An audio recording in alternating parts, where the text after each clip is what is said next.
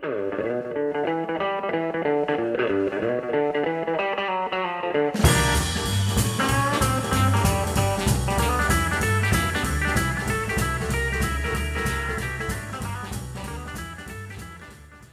Skanky Fred Karlsson, Tommy Big T Moberg och bakom spakarna har vi... Jocke Blomgren. Alltså Bluespodden hälsar er varmt välkomna till episod 6 tillägnat fenomenet Bluesjam. Ja, du skrattar direkt och det är rätt. Det kommer bli mycket glädje, kanske en del allvar också. Vi brukar inte slå oss för bröstet speciellt ofta här i podden, men nu råkar det ju faktiskt vara så här att det här med jam, Fredrik, det är något som både du och jag faktiskt har lite mandat Säga. uttala oss om. Det tycker jag då. Vi sitter ju inne på en hel del kunskap om det här. Ja, ja, men det var ju så jag började spela här i Stockholm i alla fall. Eh, att jag, jag, nu är vi ju i Stockholm, det här är ju som vi pratar om en flyttande podd, men nu, just nu är vi i Stockholm. Och eh, jag började åka upp till Stampens Bluesjam och börja spela där. Eh, och sedan har jag flyttat runt mig på de olika platserna i Gamla stan. Sankta Clara, Wirströms och Stampen. Eh, och jammat runt. Och sen nu har jag även hållit bluesjam på Sankta Clara och även eh, har jag startat ett eget eh, bluesjam i Norrköping med bandet Blue Manor. Du har en gedigen bakgrund trots din ringa ålder alltså. Ja, men du med. Ja, eh, jag har ju eh, tillsammans med dagens gäst som strax ska komma in i studion eh, fått vara med och leda eh, jammet på Åmåls Bluesfest i, tror det var fyra år i rad. Och eh, ja, fem år i rad är det till och med. Jag blir rättad här av vår gäst som håller upp fem fingrar. Och har ju såklart varit på jammen i många, många år innan dess eh, suttit med i husband och så vidare. Så att det här med jam, det är som sagt inget nytt för någon av oss. Men har du hållit jam någon gång? Alltså hållit som jamledare? Nej, utan jag har gjort det med våran eh, gäst som kommer. Så jag har inte varit renodlad ensam Nej. jamledare. Om man inte ska ta improviserade jam, som jag och min vän Urban Heda har hållit Just det, på Åmål. I, på Åmål. Som, som egentligen var en slags gatumusik vi hade Just på det. en gräsmatta framför en, en buss och det där växte. Just det. Eh, och det kallades sen för campingjammet. Just det. För att vi bjöd ju självklart upp folk om de ville komma upp. Jag var med och spelade Så också. där kan man ju säga att jag var jamledare. Trevlig, trevlig tillställning. Verkligen. Ja. Det minns vi med kärlek. Det var något du ville sticka in här innan vi drar igång på allvar. Ja, precis! Jag tänkte faktiskt att vi ska sponsra, eller vi ska inte sponsra utan vi har fått en, eh, en sponsor. Eh, Lennart Brorsson vill jag tacka så hemskt mycket. Det är också Lennart Brorsson som har tagit våra bilder till podden. Ja, Jättefin, jätteduktig fotograf, så han vill att ni verkligen eh, ska boka eller ringa till kontakta på något sätt om ni vill ha proffsiga bilder. eh, har du någon eh, webbadress i huvudet så här som du... Lensart.se tror jag att det är. Jag, jag får nästan länka det här sen, jag måste Ja, vi dubbelkolla. gör det. Eh, Lennart Brorsson som sagt. Ja, Lens. Art. Annars Stort tack. Lennart, eller Tack hur? Lennart, verkligen. Tack så hemskt mycket. Jag tycker vi drar väl igång va? Ja! Jeho! Tommy, innan vi börjar macheta oss in i jamdjungeln så tycker jag att vi tar lite lyssnarfeedback. Och du har någonting den här, den här gången, eller? Självklart. Vi hade ju avsnittet Bluesvilde. Ja, just det. som vi fick eh, reaktioner på såklart. Eh, för de stackars själar då som ännu inte lyssnat på det där förra avsnittet, vilket ni bör göra. Gör det. Så var det ju så att vi bland annat satte strålkastaren på New Orleans skivbolaget Blacktop Records. Och vi spelade massor av musik, Fredrik, som du aldrig hade hört. Bland annat så spelade vi Certainly All, den hade du i och för sig Ja. hört, med Junior Ja, Watson. och också. eh, du ställde ju en fråga där. Just det. Och den löd väl, vem har gjort originalet? Vi visste Ja. ju inte riktigt. Nej. Eh, och först ut med det svaret var faktiskt Sveriges, i mitt tycke, bästa bluesgitarrist. Ja, stora ord, men de Mm. Ja, kommer från mig. Anders Levén, Oh. som smsade mig då, eh, och, efter senaste avsnittet. Eh, tack för att du lyssnar, eh, Anders. Eh, med en Spotify-länk. Guitar Slim Ja, gitarr, gitarr är svaret. Ja. Och ni hittar den på en Greatest Hits-platta. Eh, sprängfylld av eh, läckerbitar på Spotify. Då. Den måste jag kika in på. Ja, Tack kolla- så hemskt mycket Anders. Ja, kolla upp den. Och det verkar som att han även diggade det där sista klippet som du kommer ihåg att jag lirade. Just du vet, eh, s- hög eh, akrylbas under Femsträngarbas. hakan. Precis. Eh, Batteribas som jag säger. och eh, Anders kände ju precis som du där då meddelade att han måste kolla upp Bobby Parker igen. Eh, för att han har ju ratat honom tidigare. All right. Och till sist så mässade han faktiskt också att han precis som jag diggar Snooks Eaglin. eh, och hans gitarrlir, han som du tyckte var så stressad. Ja, just och här, ci- här citerar jag faktiskt smset, ursäkta Anders att jag lämnar ut dig så här. Såg Snooks, Snooks i en bowlinghall i New Orleans 92. Inte en käft utom jag som brydde sig. Ungefär som när vi lirade med Trickbag i Birkahallen. Ja, underbart. Det är precis sådana små anekdoter som vi vill ha. Eh, jag drar den lite kort. Ja. Är det okej? Ja, ja det där med, också. Ja, alltså det där med trickbag. Ja, vi har ju spelat många gånger i just den eh, bowlinghallen, Birkahallen. Och numera är det ju som ett, ett liveställe som funkar jättebra att spela. Men vi spelade mitt under brinnande bowlingturnering på nedervåningen, alltså precis bakom bowlingbanorna. Ja. Och det var en något udda upplevelse där eh, jag faktiskt har ett film, eh, en filmsnutt Mhm. som ligger på eh, Youtube. Där Mm. Anders är mitt inne i skön, skönt Chicago gitarrsolo Mm. medan man hör smattret av bowlingkäglor. Och jag zoomar liksom ifrån Anders, vänder bort kameran och där spelar vi mot liksom en vägg av ryggar som bara tittar mot bowlingbanorna. Så, så kände han i New Orleans Ja. 92. Och faktiskt, våran eh, dagens studiogäst kommenterade också med rätt svar Ah. eh, på Certainly All. Så, så tack, vi avslöjar inte vem det här är. Nej. Mm. Han sitter och nickar instämmande. Eh, sen har vi Carl Lärnberg som skrivit och undrat om vi har någon Spotify-lista med bra musik från podden. Och inte än, men det är ett jättebra förslag. Verkligen. Det måste vi jobba på. Eh, vad säger du Fredrik, ska vi ta in vår andra studiogäst någonsin? Jag är så taggad. Han står här och trampar, det, jag ljuger ju. Han sitter precis bredvid. Men det vet ju han, inte de om. Nej, nej, nej, men det är liksom spänning i luften. Och, eh, här kommer han.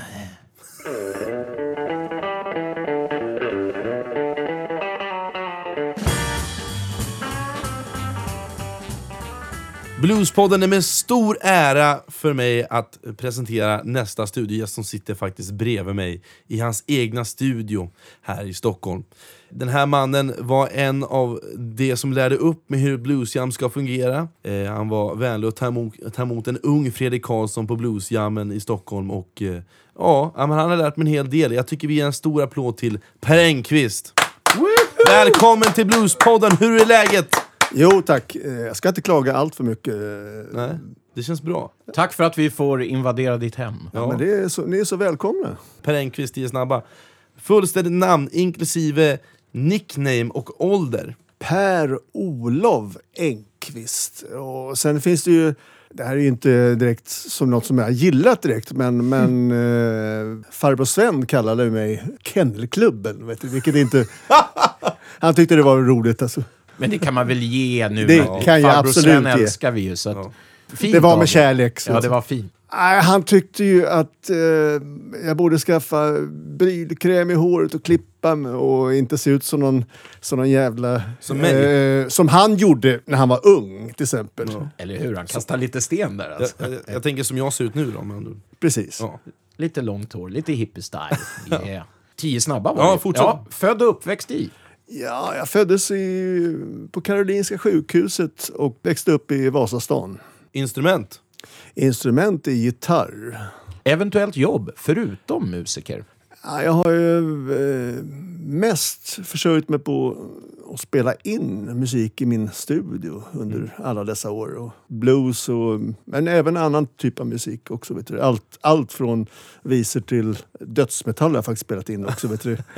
Inte min favorit kan jag säga, men, men Det funkar. pengar men, ska in. bandkonstellationer du spelar med? Ja, jag har ju st- stora bandet som Tommy faktiskt är med och spelar trummor som är, heter Mercury Blues Band som är fem personer med Andrea, min fru, på piano och Thomas Gran på munspel. Fällkniven. En Fällkniven, ja. liten eh, Och, poddfavorit. och även oftast Ubbe Hed. Men, även, men det är ju, alla är upptagna personer så att det är ofta vikarieSM. Och den lilla konstellationen då? Lilla konstellationer, ja, vi har många lite olika budgetvarianter. Jag har kört jättemycket med, bara på duo med, min, med Andrea. Det det på, på. eh, bland annat gjorde, har vi gjort 89 spelningar nu under vintern här i södra Goa. Indien.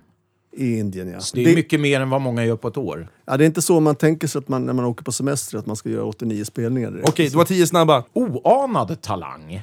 Nej, det vet jag fan vad kan det vara egentligen? Alltså. Men kan det vara... typ Du, du är en gammal maratonlöpare, är du inte det? Ja, det var jag ju. Men det är ju länge sedan. Vet du. Det har ju gått några, men några du, år sedan Du dess. slänger ju in en mil på 50 minuter. Ja, inte nu längre, tyvärr. Eh, gubbfaktorn börjar ta ut sin rätt faktiskt. Okej, favorit bluesman, kvinna? Det är svårt svårt att inte nämna B.B. King då faktiskt. Ja. Alltså. All right. Men det finns ju många andra också, för, självklart. Sjukaste grej som har hänt dig på scenen? Ja, men Det är väl mest egentligen det, man står och spelar blues en hel kväll och så kommer det folk och, och eh, requestar vad som helst. Till exempel Te- Teddybjörnen Fredriksson har jag fått som request. Ja, du har säkert varit med om massa sjuka grejer. Men det är svårt så här på beställning. Eh, vad, Fender eller Gibson? eh, Harmony. Bra svar. Mest starsa konsertminne? Ja, det, jag tror nog att... Jag, antar att det menar som jag har upplevt och sett. Och I så fall tänker jag Albert Collins på Fasching som jag tyckte var en fantastisk spelning. Med, när han hade spelat på stora bluesfestivalen på Skeppsholmen och sen åker han till Fasching och spelar precis efter gigget och är lite mer avslappnad. Och det är så jävla bra och svänger. Coolt. Och eh, han är ute, ute på gatan på Kungsgatan med sin 300 fots långa sladd och så vidare. Hör du, eh, vi, vi är här för att prata med dig främst i egenskap av, av din titel som jag säger är Sveriges Jam Master Number One. För det första, vem myntade det här uttrycket och tycker du att det ligger något i det? Ja, jag tar inte så allvarligt på det, men, men det är klart att eh, ja, man har gjort rätt mycket här i Stockholm och även på andra ställen också. Så att, Ja. Men när började hela det här med bluesjammandet för dig då? När, var, hur och varför? Eh, ja, som jamledare själv började det med att eh, jag fick en förfrågan av Lennart Thorman som hade startat ett bluesjam på Sankta Clara. Och då fick jag en förfrågan om att vicka för honom. Och, och efter ett tag så, så kunde han inte köra varje fredag och, och då fick, fick jag överta det helt enkelt. Ja, Just det. Du var ju lite chef för det där med Klas. Det var ju du som fick in mig på att styra jam och sådär. Det måste ha varit jättekul.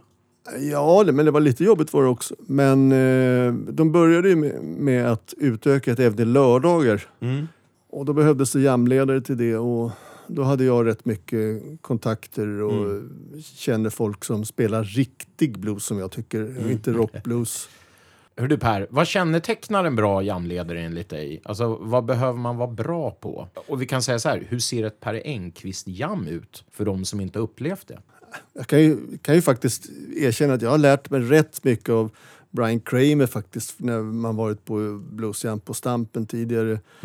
Det finns några grejer som jag har velat ändra på. Där. Jag tycker inte själv att man ska ha så jättestort fokus på sig själv på jammen. Utan, och det, men det gäller att försöka hitta bra personkemi med de som spelar och, och samtidigt få alla eh, att kunna spela, komma upp och spela. Men sen, sen får man ju också plocka bort dem när det inte låter för bra. För vi är ändå där för att sälja öl för, för krogen. Annars, annars får vi ingen lön så att säga själva. Nej. Nej, och det är inget ro, roligt för publiken heller. Det är ju så här också att vi har bett dig ta fram lite musik till det här avsnittet. Bland annat några smakprov från dina egna band och projekt. Och vad är väl mer passande än att börja med dig och frugan? Vet du vad jag talar om då? Nej, Jag misstänker att det kan vara eh, en Lowell Fulson-låt som heter Blue Shadows. Ja, då kör vi.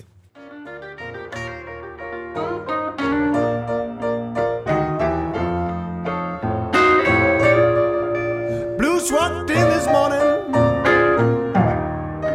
when my baby walked away.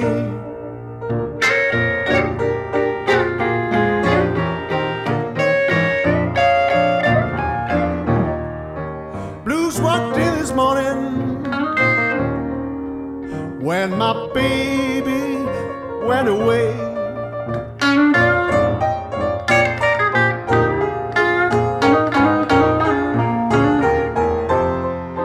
I wanted to come home, but it's no use for me to beg and cry.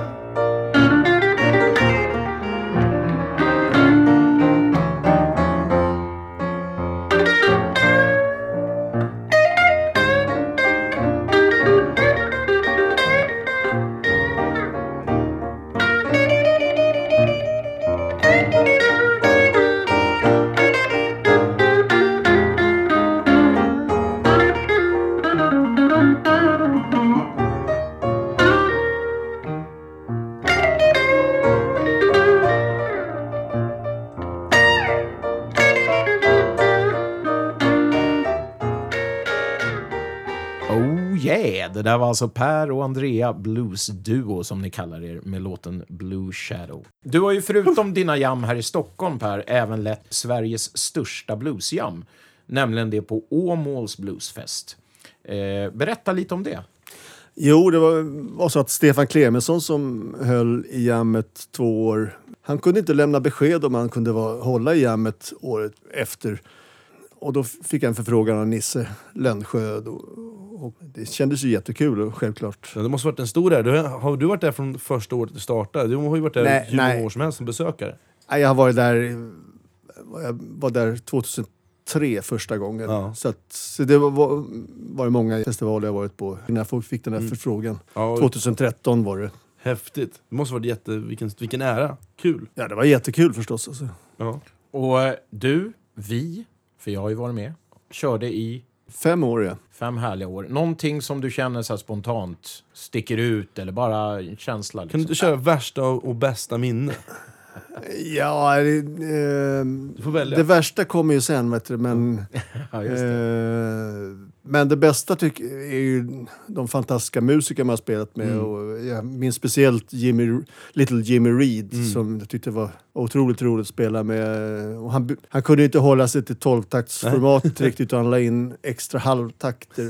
och jag tror inte att det var någon som hörde att hörde att vi, att, vi, att vi slirade på det direkt. Utan, Det är ju riktigt häftigt. Det är, det är lite udda. Det är ju väldigt udda att man, att man klarar av det idag. Jag tänker det är ju en väldigt gammal grej som de gamla blues, bluespersonerna gjorde. Att de eh, hoppade i takt och så. Det är coolt att få spela med någon som, som gör det på riktigt. Som inte... Ja, det var, det var, det var fränt faktiskt. Alltså, för det lät, inte, det lät aldrig påtvingat eller som någon, han gjorde fel. Utan det lät bara precis som när man hör på John Lee Hooker som, Mm. som går helt utanför tolvtakterna. Man får rösten på ett annat sätt Ja. när de sjunger. Och det är häftigt. Det är fränt. Nej, det får man inte säga. Inte för Mats Hammarlöv, äh, Gnesta. Du, eh, det är ju lite speciellt format också i Åmål, måste man ju säga. Det är utomhus, det är flera hundra pers i publiken. Det här är ju, med Jan brukar ju vara en liten jazzklubb någonstans, någon källare. Så det är en speciell grej och eh, lite mer uppstyrt och sådär. Hur upplever du det då i kontrast till det du brukar göra? Ja, det är ju, man är ju tvungen eftersom, eftersom man inte känner alla musiker som kommer dit. Många känner man igen dem, kanske, framförallt toppmusikerna då. Men, men sen finns det ju många jättebra amatörer eller, eller, eller halvproffs som man aldrig sett förut. Vi hade till exempel senast i jammet en 17-årig norrman. Just det. Nu, nu har jag inte glömt bort... Du Fredrik, Ma- Marius. Ja. Mar, Marius. Marius ja. Och han var Svinduktig. svinbra var han verkligen. Alltså, och, Men många gånger har man ju blivit jätteförvånad eh, där man har suttit bakom trummorna i mitt fall. Men, ja, men just över det här som du beskriver, att det är en häftig, en häftig grej att det bara dyker upp folk från ingenstans. Mm. Men nu- ska ni flytta. Ja, Det är nytt för i år. Per? Eh, vi flyttar ju från Åmål i år. Och vad händer i år då? Jo, vi fick ju erbjudande om att spela på Kristinehamns bluesfestival Mm. istället. Alltså hålla jammet där. Och, Nystartat, för jag har ju varit, eh, och Fredrik har ju också Mm. spelat där tidigare, Sveriges, nu kanske jag tar i, men mysigaste, för jättemysig festival. Men eh, de har ju inte haft det här med jam, så det här är ju en liten chansning av dem de har sneglat på Åmål och gillar det du gör. Så det är ju skitkul. ja, det ska bli jättekul och vi kommer ju upp med, med samma folk som vi hade, hade senast i Åmål. Häftigt. Så, eh, Så det ni ska som kul. diggade det du gjorde och vi gjorde i Åmål, passa på då helgen efter och förläng eran trip så att säga och kom till Kristinehamn. Jajamän. Men nu tycker jag vi har pratat alldeles för länge. Nu tycker jag vi lyssnar på lite mer pärmusik här. Ja, och vad passar väl bättre då än det här stora bandet som du spelar med, alltså i eh, antal, ingen duo längre, som, som höll till på jammet? Ja, det är ju Mercury Blues Band då, som, där du Tommy spelar trummor faktiskt. Ja, Och sjunger också en del. Ja, det gör jag. Och bland annat på den, det som jag tror du kommer spela upp nu också. Jo, och det är, inte jag, det är faktiskt du som har gett mig låten. Så att det, det är inte jag som har eh, valt att jag ska Ja, ja. vara med och sjunga här. Men skit i det. Det är, vi tar en låt med bandet så ni får eh, grepp om det. Och det här är en rätt så gammal inspelning. Eh, men här kommer i alla fall en liten snutt av Don't Get Me Shook Up. Mm. You better watch your step, baby. Take my advice, honey. Listen, watch your step, baby. Take my advice.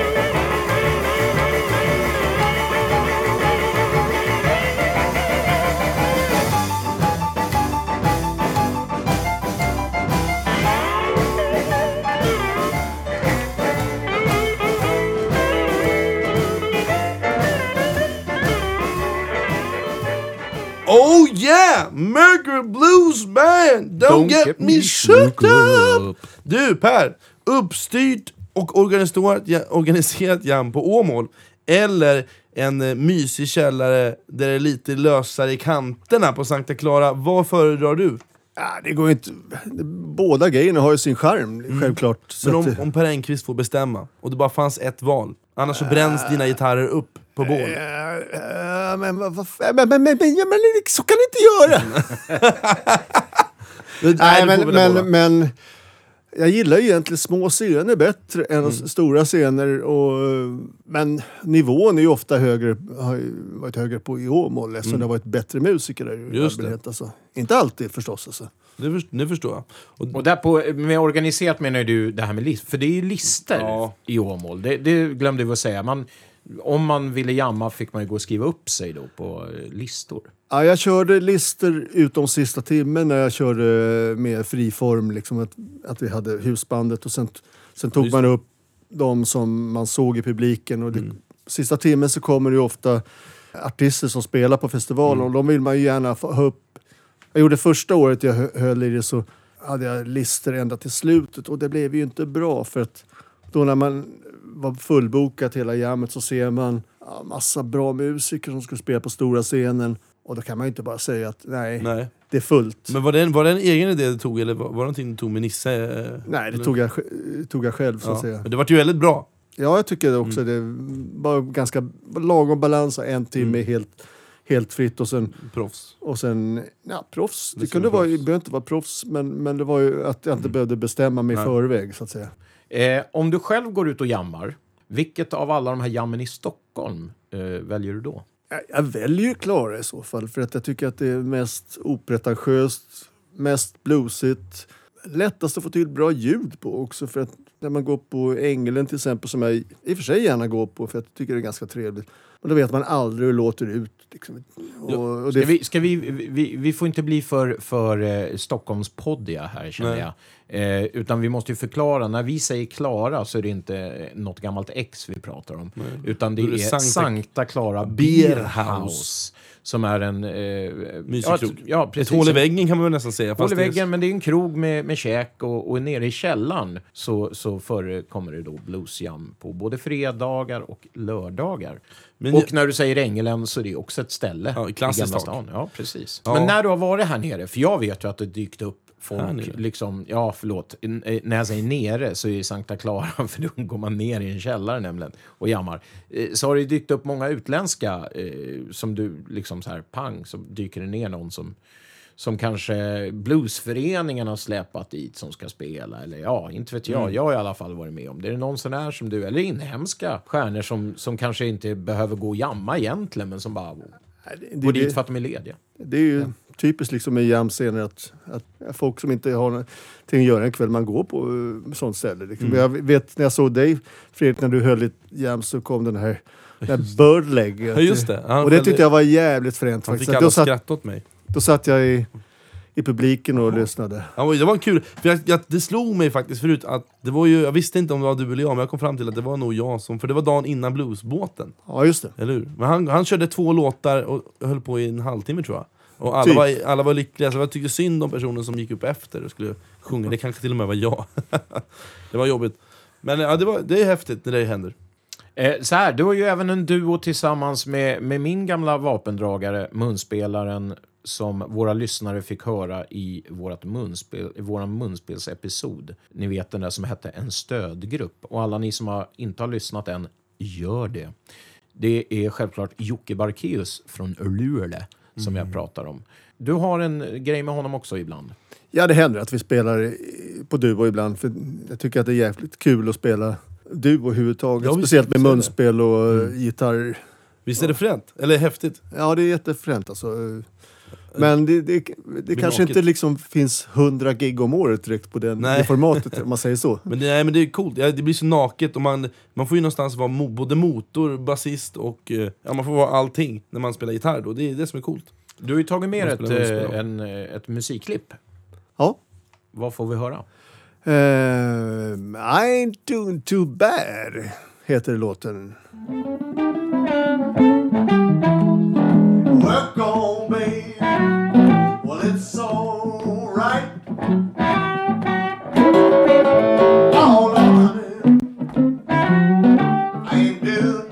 that at all.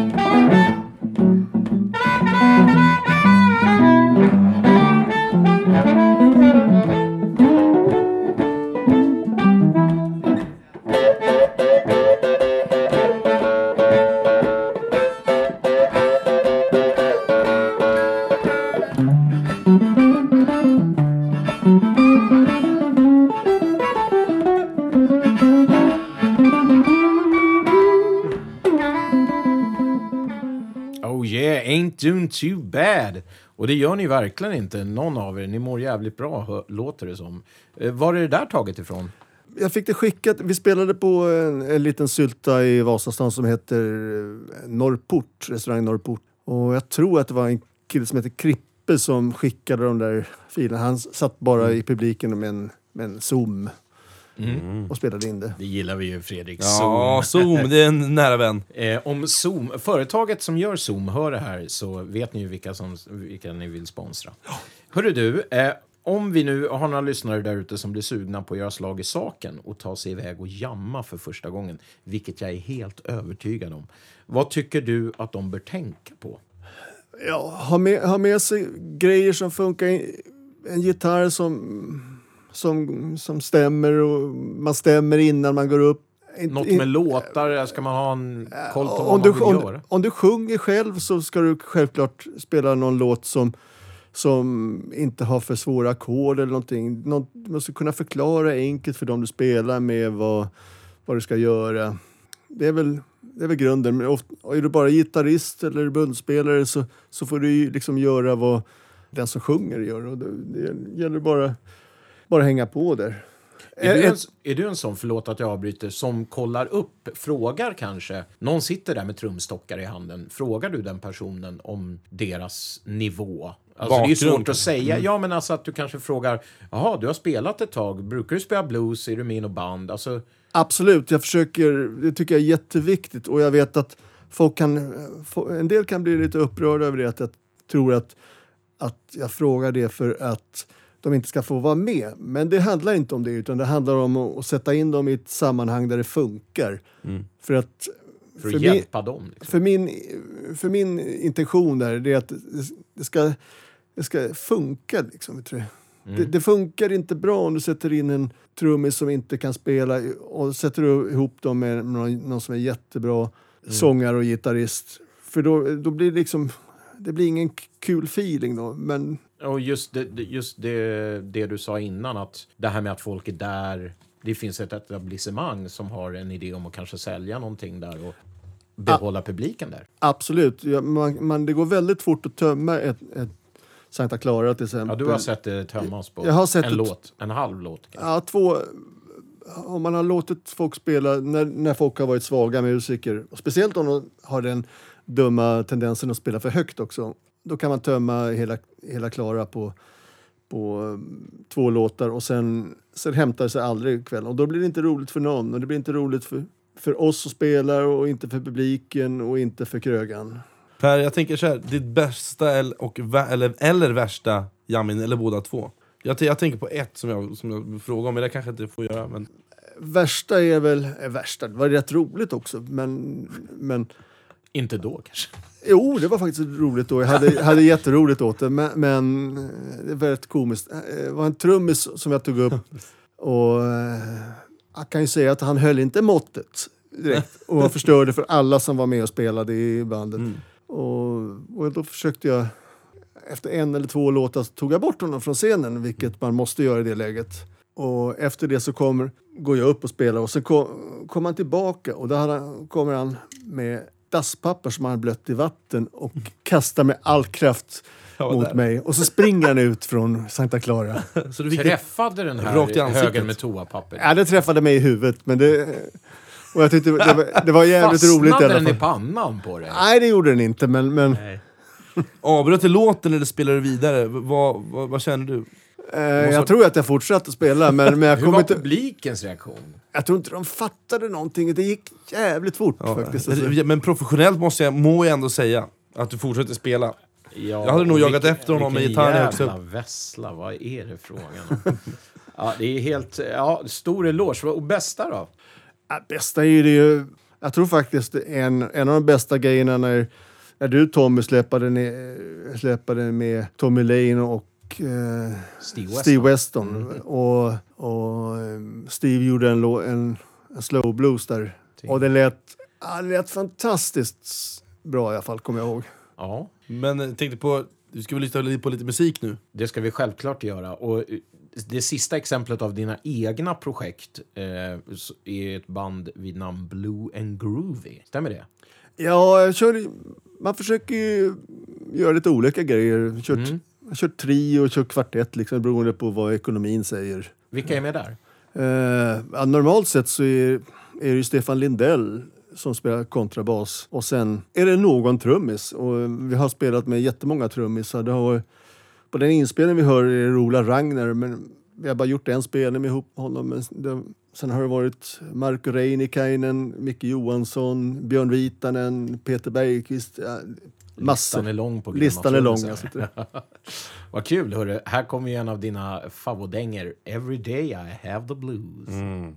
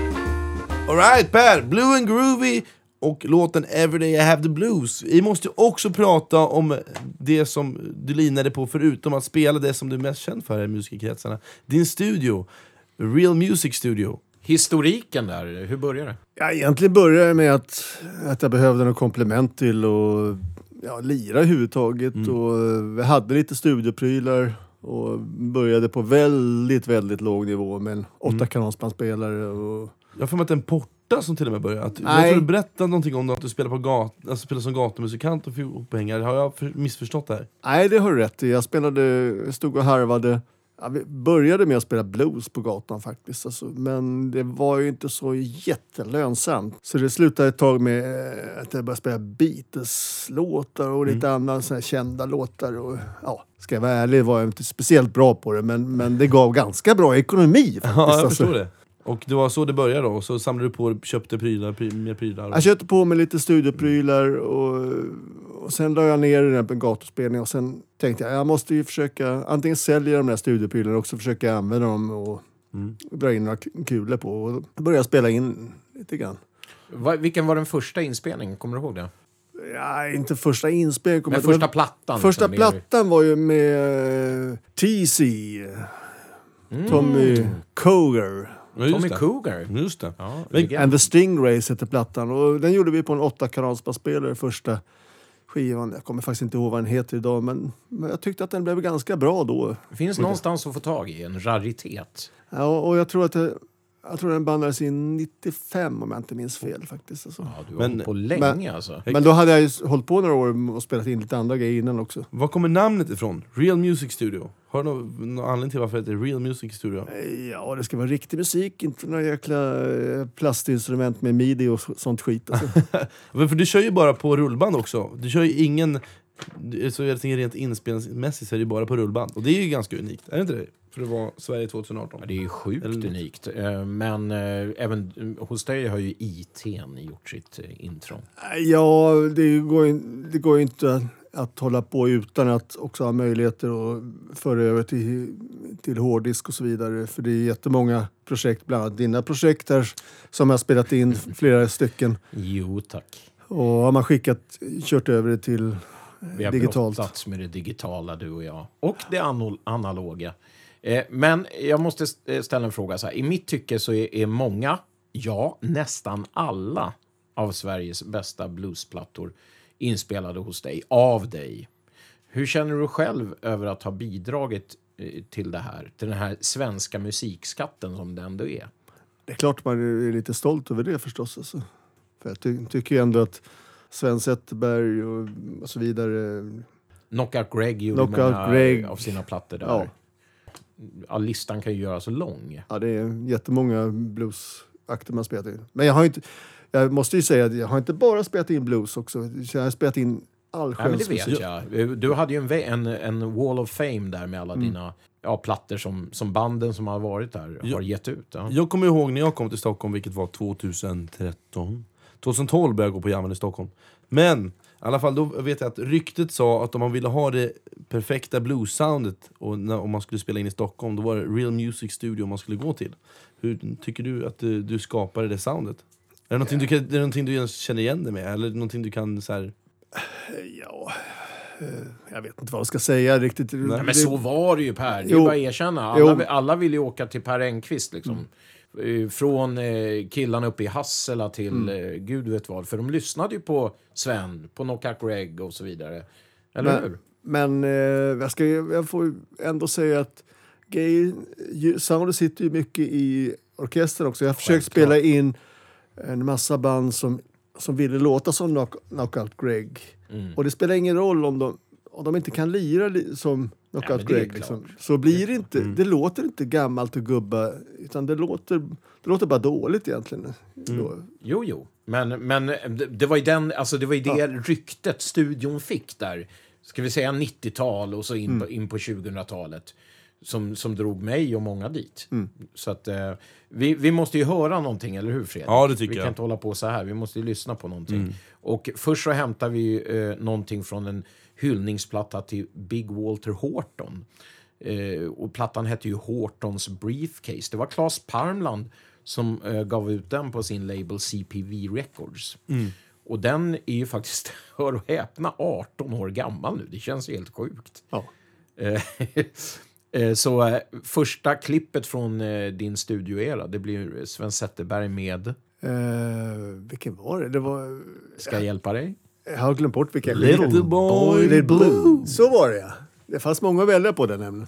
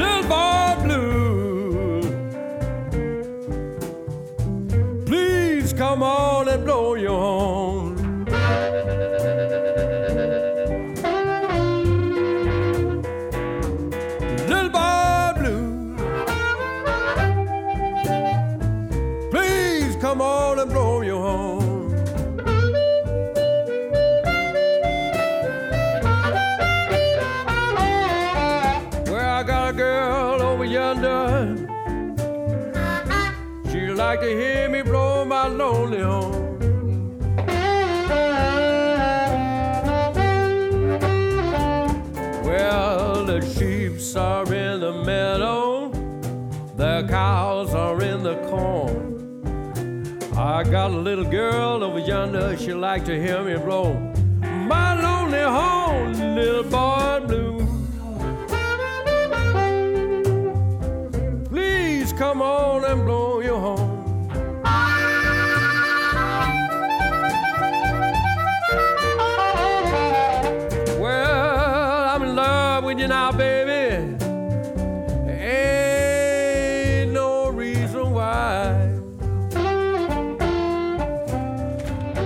Per, det låter ju svinbra det här. Vad minns du från den här inspelningen?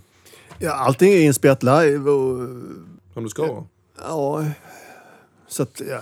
Ja, det var- Olika det- konstellationer. Det här var ju inte svenskt band, va? Utan här hade ju Claes liksom hittat munspelare som han diggade utifrån hela landet. Det var ju två göteborgare, det var ja, men massa olika som tolkade Walter Horton med olika komp. Så var det. Eh, Han, han gjorde olika sättningar på alla de här sex personerna. Eh, De grejerna med Stefan Dafgård var ju inspelat i Göteborg, så de hade jag ingen koll på. Men de andra fem artisterna spelade jag in i min studio. Och jag tycker plattan blev väldigt bra. Så vet du. Men, Han har ju fått eh, internationell eh, liksom, eh, praise, så att säga. men är det ingenting speciellt du minns? Som någon rolig händelse eller någonting som du bara kommer ihåg? Så här, det, var ju 18 år sedan i och för sig, men... Nej, jag, jag kan, det enda jag tänker på det är att eh, det finns en låt där med Janne Sjöström och, och Anders Levén när de, när de spelar och repar låten. Och jag har den sinnesnärvaron så att, att jag sätter på bandspelaren i alla fall medan de repar låten. Och eh, sen när de skulle ta, göra tagningen sen så blev det ju mycket sämre än den som hamnade på skivan du, förstås. Alltså, Så, så hela tagningen hamnade på skivan? Den Ja, du helt- smög in?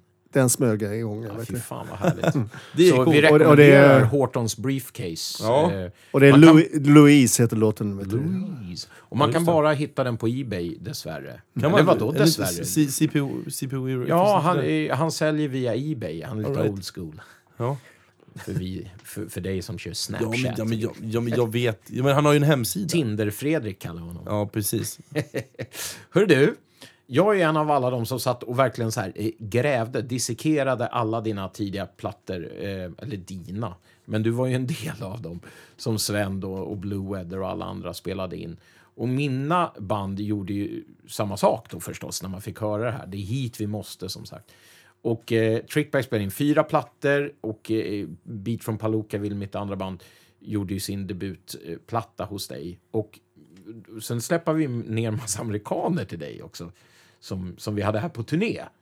Du kommer säkert ihåg dem eh, och jag glömmer säkert jättemånga, men James Harman hade vi nere, vi hade nere Junior Watson, eh, Barrelhouse Chuck som satt och grät bakom pianot med, medan han spelade in en 10 minuters version till sin avlidna släkting, kommer jag ihåg. Jag satt precis bredvid dig, drog in pianot i mixerrummet, eller hur? Ja, det gjorde vi. Och det var, det var en fantastisk session överhuvudtaget. Den.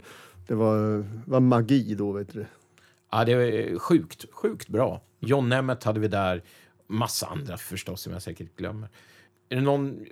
Ja, du, du behöver inte välja något av det här nu, utan det är det jag kommer ihåg. Men är det någon session så här som du bara...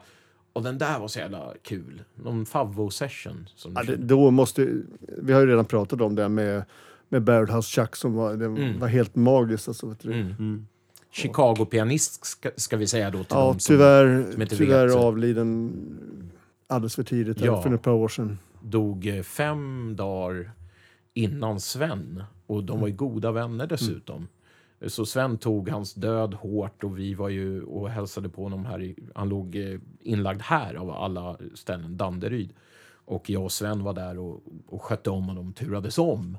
Och hade skitkul trots hans smärtor och så vidare. Och, ja, det där kan vi prata, prata länge om. Men ja, magisk session. Vad säger du Fredrik? Du var inte med men... Nej men jag måste ju, får jag, får jag, by, får jag byta Självklart, vinkel? självklart. Jag vill, ha- då måste jag veta, om du vill säga ditt värsta studiominne? Det Nej. finns ju massor av helt hemska saker. Jag kan ju nämna ett, ett band som jag kommer ihåg.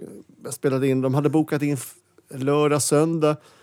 Och de kommer in klockan tio på morgonen. Först kommer en person med en, en låda öl. Starköl förstås, självklart. Och, så, och så kommer det ett par kartonger vin också. Och så kommer eh, han som ska sjunga kommer och säger Alltså, alltså, alltså jag var tvungen att ta lite whisky för, för restens skull. Ja, det är sen gammalt. Och, så- och sen, sen är det ett band som, där, där bandet inte kan spela och han som sjunger, han sitter i kontrollrummet och sjunger slasksång. Ja. Och eh, han somnar med jämna mellanrum. Och sen när de lyssnar på låtarna så vak, vaknar han till och säger Jag är så jävla bra. Och, och det var han alltså inte. Utan han var, det var inte en ton rätt och eh, inte en siffra rätt och bandet var värdelöst. Eh, men det blev, ingen, det blev ingen session på söndagen i alla fall. Ja, det. Fick du betalt?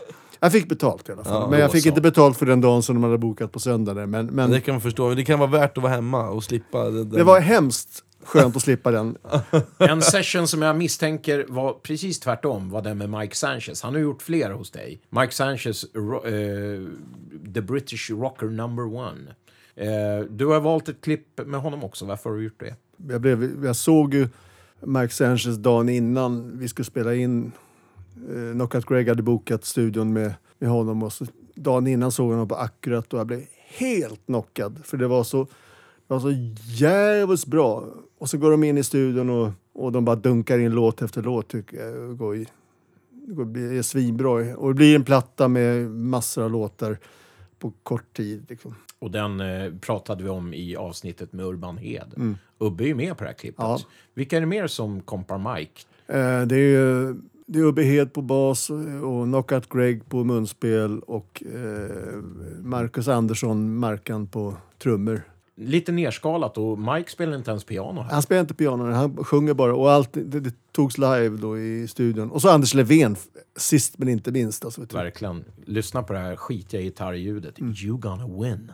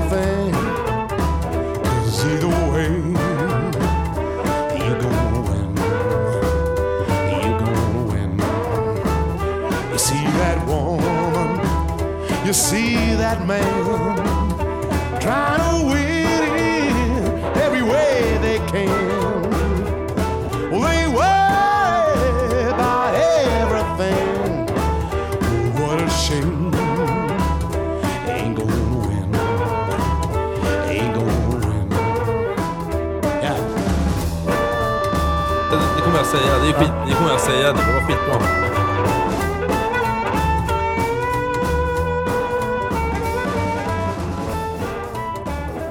Alla på en gång och det funkar! You gonna win med Mike Sanchez.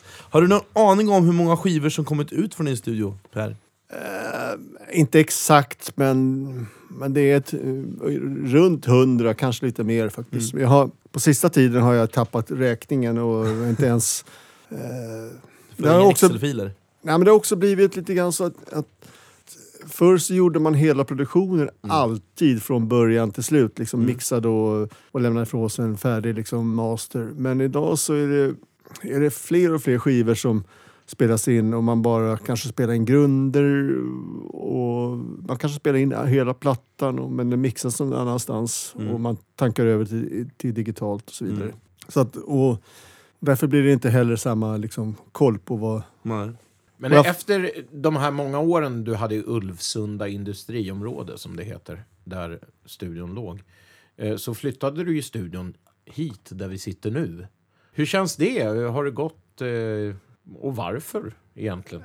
Ja, skä- skälet till att jag flyttade var ju framför allt att eh, fastighetsägaren jag hade, han ville dubbla min hyra och, och det kändes inte så kul när, när branschen ändå är på väg neråt. Och, Hur tänker du då? ja, men, men jag hade inte lika mycket inspelningar sista åren i Ulvsunda som jag hade tio år tidigare. För då hade jag, då hade jag sjukt mycket Det här inspelningar. med liksom. plattor är, som alla vet, på väg neråt, så att säga. Det är digitala. Det är EPs idag. Ja, det, Jag- Tyvärr. det har ju gått en boomerang här och är tillbaka på vinyl. Jag väntar bara på ka- kassetten. C60. Eh, ja. BASF. Jag vill, att, jag vill släppa kassett, det är ju Mm. stenhårt. Ja, skitsamma. Men eh, det är ju det är ju väldigt tråkigt. Det är ju synd att han inte, att han inte förstod vilken kulturskatt som har, eh, eller kulturarv som har skett där nere, kan man väl ändå säga. Som har spelats in där nere i din studio. Det förstod inte fastighetsägaren ett dugg. Han ville ha dubbla hyran helt enkelt. Och Pengar. då tog jag mina, mitt pick och pack och Jävla åkte hem, åkte hem till min villa istället. Så det, Och, där, och här har ju några inspelningar också hunnit ske. Och eh, sista musikinslaget som du bjuder på, det är ju taget härifrån för att knyta ihop säcken lite grann. Och det är med Emil, Emil Arvidsson, som eh, också han startade sin bana på jammen, eller hur?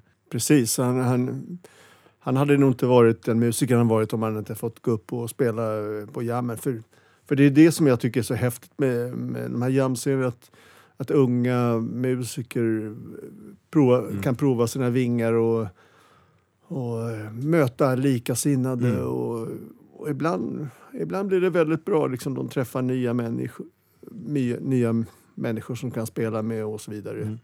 No, det är fint. Jag, Och- måste känna, jag känner mig väldigt träffad där. Och, Ja, det är faktiskt. samma sak Du, du är ett exempel. John Bernström, Hannes Mellberg, liksom, vet du, massa. Daniel Cordelius. Daniel Cordelius, eh, Big Rob. Big Rob, eh, verkligen. Listan Alltså. kan göras lång. Ja. Mm. Little Chris. Lisa honom? Han kommer att komma fram här snart. Eh, hörru du, vi, vi tar ett, sn- en, en, en grej med Emil då, förstås, för att knyta ihop just studiogrejen med dig.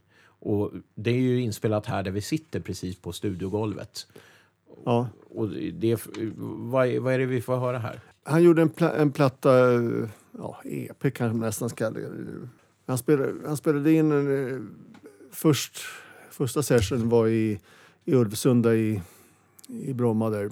Och, och sen började han komplettera med några låtar till. Då blev det den här sista som kallas The Healing. Varsågoda. I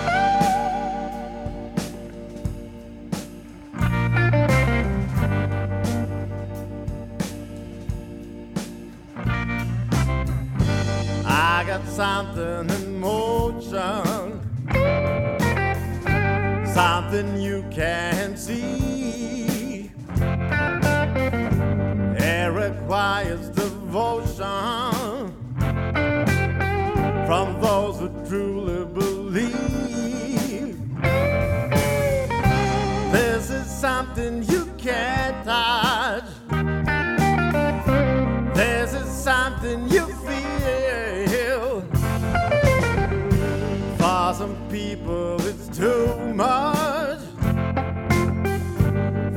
Some people, it heal.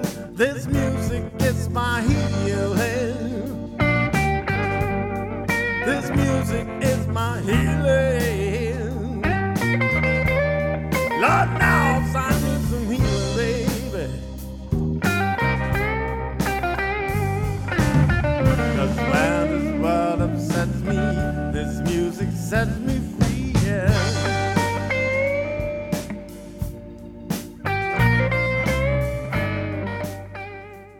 Ja, jag är helad, Emil. Det ska du veta. Eh, we go way back, jag och Emil. Och eh, grymt. Skitskön feeling. Vi ska Tack, sluta... Emil. Ja, verkligen. Tack, Emil. Eh, vi ska sluta grilla dig nu, Per. Men eftersom du bor här så har du ju inget val. Du får vara med även på det här. Shoot!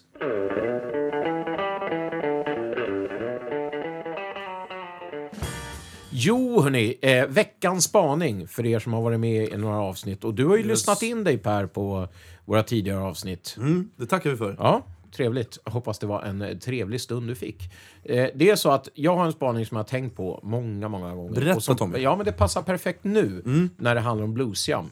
Eh, vad är det med det här med att vissa tar sig rätten att bete sig som en douchebag, det där var ett amerikanskt ord, i, i jamsammanhang? Eh, jag, jag testar några grejer på er här. Ja, vad... Några just, påståenden. Och douchebag, det är att man beter sig som en skitstövel helt enkelt. ja. På bluesjam. I mitt tycke. Det här, Jag kan ha fel, men det här är någonting jag har gått och grunnat på och jag har sett det så många gånger. Eh, nummer ett. att komma på varje jam och se det som en självklarhet att just jag ska få komma upp och spela varje gång oavsett hur många andra som är där och vilka dessa är. Och då menar jag inte att man ska liksom stå tillbaka för kungligheter. Det kan ju vara folk som är på ett jam för första gången och vill prova. Men jag som är där, jag är där varje gång. Men jag ska ändå liksom ha förtur. Eh, och om man då, gud förbjude, inte hinner få spela eller kanske bandledaren tycker att men här, du får sitta ut den här gången. Eh, eh, så är man där dagen efter eller samma kväll och bara spyr ut galla och bitterhet över den här jamledaren på sociala medier kan det vara. Eller ännu värre som du då, toalettpapperattack. Känner ni igen det här? Ja, ja, och, och lägga till till den här att de alltid kommer sent också. Gärna någon timme, två timmar innan jammet slutar. Okej. Det, det har jag märkt. Och sen så, när man, och så försöker man ändå pressa in dem så de får spela en låt och köra sin räka. Och då blir det ett jävla liv i alla fall. Vad säger du Per? Är det låter bekant eller? Jag, är- jag är jättetrött på just, just den kategorin faktiskt. Alltså för att varför ska dessa människor som tror att de kan få ut all sitt musik, musikutövande genom att gå på jam? Alltså, jam ska ju vara till för att liksom träffa träffa polare och ha kul. Liksom, och träff, ja, kanske lira lite grann men, men framförallt det är liksom en happening och träff, när man är ledig och gå och träffa andra musiker och så vidare. men, men, men de här... Nej, jag blir... Jag, blir, jag ruttnar jättemycket på Tolkar jag er som att jag träffar rätt här på första Ja, punkten. ja, jag verkligen. går direkt på tvåan. Att komma precis innan man vill hoppa upp och lira och sen sticker man därifrån så fort som möjligt. Och köper när man är klar. Ja, den kommer också. Men vad säger ni om det? Man, man, här är jag, nu vill jag spela. Hej då, nu är jag klar. Och just det, så man tar inte hänsyn. Men däremot, och gärna då om man spelar egentligen huvudsakligen gitarr men ser att det är pianoplats ledig, då säger man jag spelar piano. Den har jag varit med om. Och då säger man tack och hej då. Ja, Vad vi, säger du, vi Per? kommer åt inredningen om ni undrar. här. Ja. Nej, jag hå- håller med också. Jag, jag tycker det är oförskämt att gå på ett jam och bara sitta längst bak och inte lyssna på någon, vad någon annan gör. Du menar typ i ett annat rum? För det är Ett annat så rum och i Santa Clara är typiskt så. Och så går man upp, man får till och med som jamledare får man gå ut och leta efter musikerna. Och sen när de har gjort sitt så går de tillbaka i bästa fall och sätter sig Och pratar. där bakom. Men de är inte dugg intresserade av vad någon annan gör. Här kommer punkt fyra. Att man inte bidrar med någonting utom sig själv. Alltså eh, sitt instrument. Man köper ingen öl, man köper ingen mat. Eh, på, på sin höjd en liten Ramlösa och så sitter man och smuttar på den under hela kvällen. Eh, eller tills man har fått spela klart då, för då måste man ju sticka hem fort för man har ju tvättstugan eller vad man nu... Det kan ju vara ekonomiska skäl också i och för sig. Det kan det vara. Men är inte det här också eh, lite cheap? Vad, vad tänker du Per? Ja, det är klart att det är cheap för att de här, det, det funkar ju inte om, om folk inte konsumerar någonting när det är fri entré. Självklart. Det, det går ju inte. Sen tänker jag också... Vi ska ju tillägga, förlåt Per, eller Per, Fredrik, att det du nämner här, att fri entré, det här är ju ett Stockholmsfenomen. Kommer du ut i landet, vilket jag har gjort till ditt jam i Norrköping, Fredrik, så Just tar ni en entré på vad då? 100 kronor för de som inte spelar. Och det här är alltså publik som går in och betalar som ett konsert, alltså en entré på 100 spänn. Och Jag vilket menar, det, Det är bra. eller hur? Alltså det, det måste man tänka på. Det här är ju en gratisgrej i Stockholm. Jag vet inte varför det är det. För jag kan tycka att det här kan vara värt att, att betala för. Och så vidare. Men det, det är en annan diskussion. Får jag gå på femman? Nej, vänta. Jag vill, lägga till, Ja, jag vill lägga till här också. Gärna att samma människor står och väntar också på sin tur att få spela solo om det är så att de spelar soloinstrument. Att de, spel, spelar, de står tysta mestadels och sen så spelar när de får spela solo, då spelar de och sen så är det klart, då har de liksom inte bidragit heller med någonting. De har inte käkat, de har inte druckit. Utan de går dit och så bidrar de inte musikaliskt heller. Utan de, Nej. och grejen är så här, jag, men jag måste ju ändå, måste ändå säga att ah, för er som känner er träffade, att det finns det är en väldigt, det är en ganska liten klick såklart som gör det här. Men, men för alla har ju inte, de kanske bara kan sola eller bara inte riktigt fattar konceptet kring... Ja, men sånt är ju en helt annan grej. Nu menar jag, det jag, min spaning det är douchebag-beteendet Mm, på jam. Där man kräver någonting och om man inte får det så beter man sig som en skitstövel tillbaka. Eh, och då här, det här är mina punkter och alla andra har säkert sina punkter.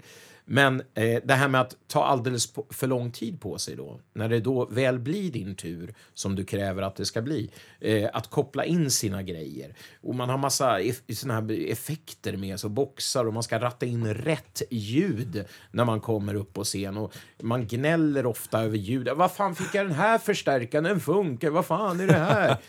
alltså, är inte det också något ni... Vad säger du Per? Ja, Jag håller med.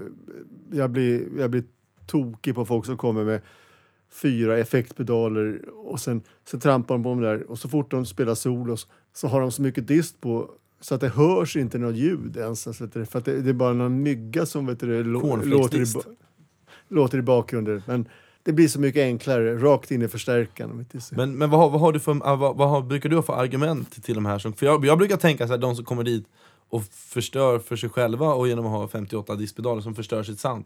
De, de brukar inte göra så mycket med om de inte spelar för högt. Men eh, brukar du, brukar du köra något argument? Brukar du, Nej, jag låter, dem, jag låter dem hållas, men jag brukar också säga att, att säga att tyvärr, alltså, du hördes inte därför att du hade din, din jävla pedal som du tryckte in. Och sen, du hördes när du kompade, men när, när du spelade solo så tryckte du in din pedal och hade du inte justerat den ordentligt. Och du har inte tid med det, för, för det är för kort tid på ett jam. Snabba changeovers, kan vi säga det? Ja, jag säger det. Det måste ju vara så. ja, det måste vara så. Jag ska inte bli långrandig. Sista som jag kom på, men det, kan, alltså, det här får ni fylla på. Det är att man skiter i att det finns en publik där. Det är ju faktiskt, vi, vi, utan publik skulle vi inte stå där och jamma överhuvudtaget. Och det glömmer man ju oftast, att folk är där för de, har, de vill ha en trevlig kväll, lyssna på bra livemusik, de... Eh, Ja, liksom, och då kommer man ner, man ska spela exakt samma tre låtar som man gjorde förra fredagen och förra fredagen innan det. Annars blir man arg, för det är de tre låtarna man har eh, liksom lärt sig. Och då ska man köra det. Och så ställer man sig med sidan, eller helst hela ryggen, mot publiken. Man står och tittar ner på gitarren till exempel. Fast det kan ju vara scenvana att man inte riktigt har lärt sig språk. De, de behöver ju hjälp. De behöver hjälp, men när man får hjälp då i form av dig Per Enquist som säger att snälla du, inte så där. Kan du inte göra så här? Då får man toalettpapper i ansiktet. Jag, jag, brukar vän, jag brukar be dem att vända på sig. Publiken är där, jag brukar säga till dem. Ja. Där är en betongvägg, här är publik. Men, ja, men jag tänker, det, det är ganska intressant för att ut, du säger att utan publik så hade vi inte haft någon, något jam. Fast, ut, fast utan jammarna då hade vi inte haft något jam heller. Så att det är en väldigt hårfin, alla det är väldigt hårfin balans ändå. Om man, om man tänker på det stora aspektet att, att blanda högt och lågt som vi gör i Bluespodden. Jo, men, jo ja, men det gör vi. Eh, seriöst och svammel är våran, våran devis. Förlåt att jag tog plats. En sista grej bara. Jag tycker ju liksom att... Ja, det är en hårfin balans, men eh, det är ju gratis i Stockholm. Så att säga. Och det, det gör ju också en grej. Jag menar, som, som jag var och besökte ditt jam i, i Norrköping, Hundringedörren, tyckte inte det kändes konstigt alls. Det är liksom en happening som händer, det är livemusik, det är klart vi ska betala liksom. Så att eh, det är någonting, tycker jag, för Stockholm att, att tänka på. Vad, vad tänker du Per kring att ta betalt för jam? Alltså, stå, sen, egentligen kan, får man väl säga det att allting egentligen Cityhallens fel egentligen som började med fri entré. Eh, och efter det så har det, är det nästan omöjligt att ta entré för livemusik i Stockholm. eh, För, utom för de ganska stora band. Vissa ställen funkar, Stampen funkar att ta betalt. Kan man säga att det är ett Stockholmssyndrom, där med gratis jam?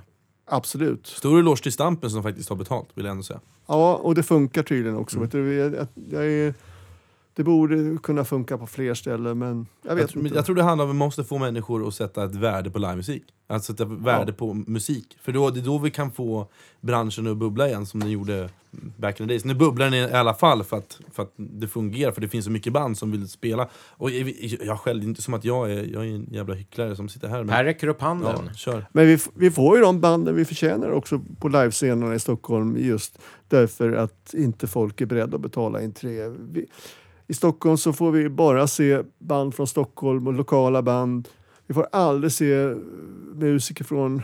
Ja, det, det finns några som ideella killar från Malmö och Göteborg som kan åka och göra en förlustspelning i Stockholm. Men, men i princip så, så, får vi, så får vi bara se det liksom vi förtjänar att få se liksom, eftersom vi inte är beredda att slänga någonting. Vi avslutar alltså veckans spaning med en rejäl sågning Och innan det... av Stockholms musikscen. Men Som vi alla tre är en del av. vad tycker, våra, vad tycker våra lyssnare? Vi vill ju höra vad lyssnarna tycker. Såklart. Så helvete. Så kommentera tills fingrarna blöder. Gör det. Hörni, eh, vi måste ta oss vidare i det här.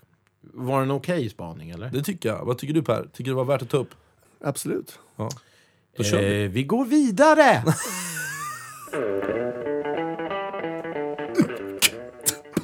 Du Tommy! Per! ja. Nu ska du höra, Tommy tog sig ut här Per, i Stockholms bluesvimmel och eh, faktiskt gjorde ett fältreportage. Och du vet ju, som du har lyssnat, vet ju hur du att fältreportage är.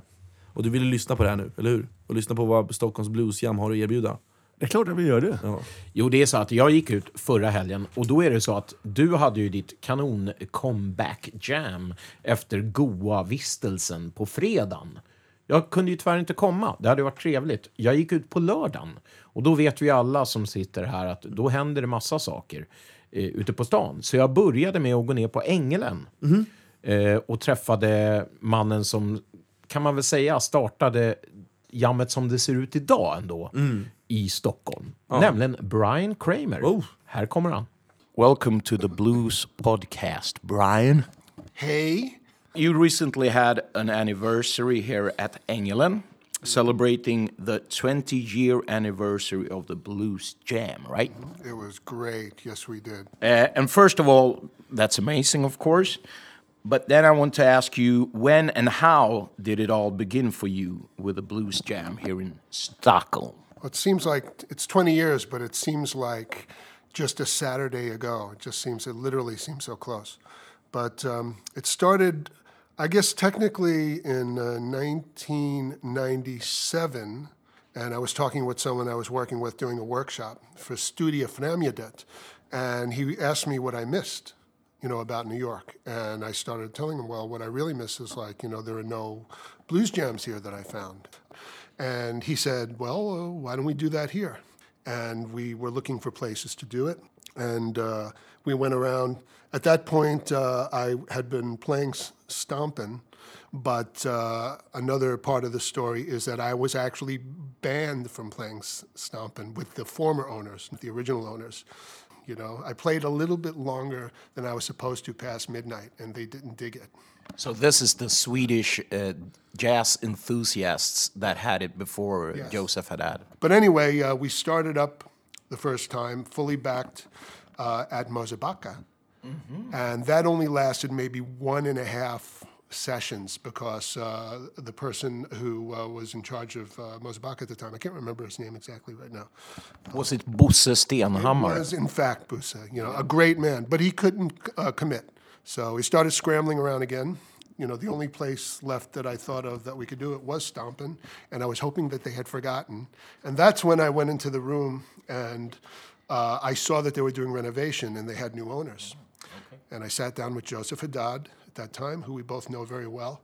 And he, he said the one thing, because it was really hard to find a place. Most people really didn't get the concept. They, you know, the, the, the whole line was, you want amateurs to play here, and uh, you think it's going to be good for people to listen to. And I'm like, yeah, it's going to be amazing. It's going to be great. But they just didn't want to take a chance. So, but Joseph was like, sure, let's do it. You know, if it works for you, uh, then it works for me. If it doesn't work, we at least we tried. That's exactly. That's great. And then we kicked off in February 98th. Uh, from the first Saturday, Dagens Nyheter had a nice piece in the newspaper introducing it on the Friday. And then on the Saturday, I kid you not, and like the and Joseph actually at that point wasn't sure what to do with the place because when he basically bought and inherited Stompin', it wasn't doing well, as you know. And uh, there was even talk, if I recall, of having strippers downstairs with poles. I'm not, don't quote me on that, but I remember some conversations about it.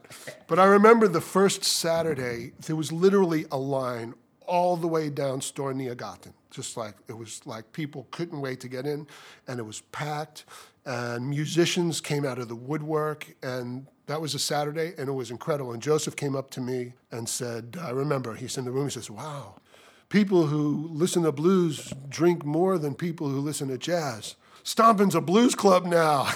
That's great. And uh, to your knowledge, was that the first organized blues jam in Sweden?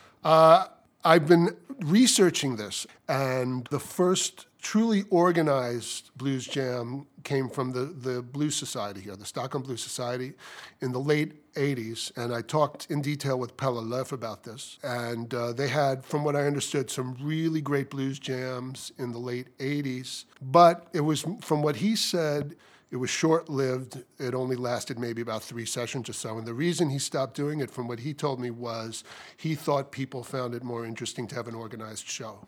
Um, the blues jam culture is now an, established thing uh, on the Swedish blues scene. You see jams popping up everywhere, all over Sweden. What's your view on that? And do you feel like it's your baby that's growing up? It's crazy. I mean, it's really insane because there is like such a there's a healthier blues jam culture and blues culture now here in Stockholm and Sweden than in New York in a lot of ways. You know, I mean, people who come here from the states, they're like, uh, they hear about it and they'll come on tour or they'll they'll be a part of it. and They're like, holy crap, this is like really something.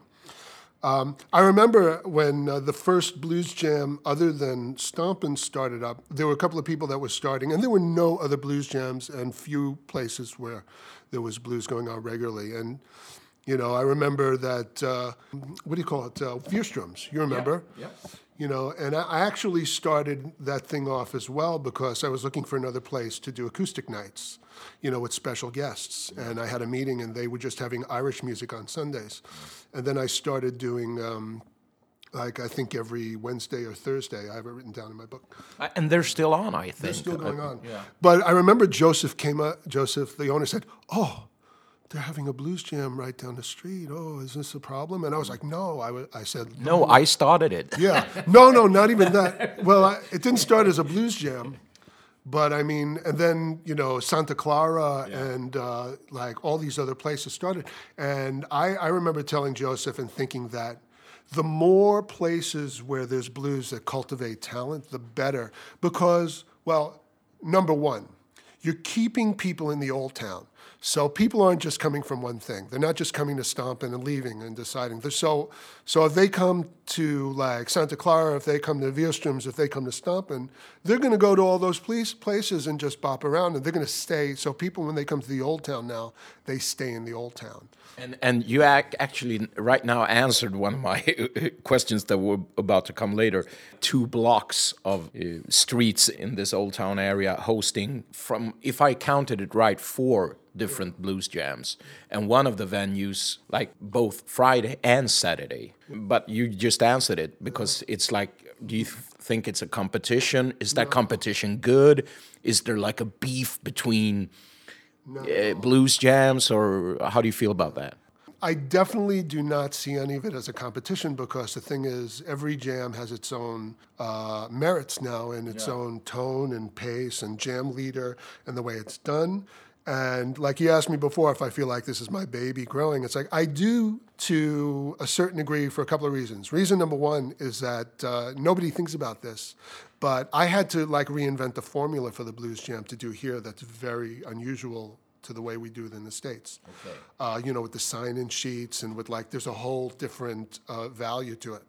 So I had to reinvent it to embrace a Swedish culture. So it's a, it's more like uh, organized in, in the states. I mean, Yeah. like you, you go you go in there and and uh, you know, write down your name and what instrument you play and Yeah, and you're stuck with whoever you're stuck with, who's next on the list Yeah. most of the time. Uh, and also, it's usually for musicians by musicians. So I wanted something that was more for the public Yeah. as well. So I had to kind of find that balance.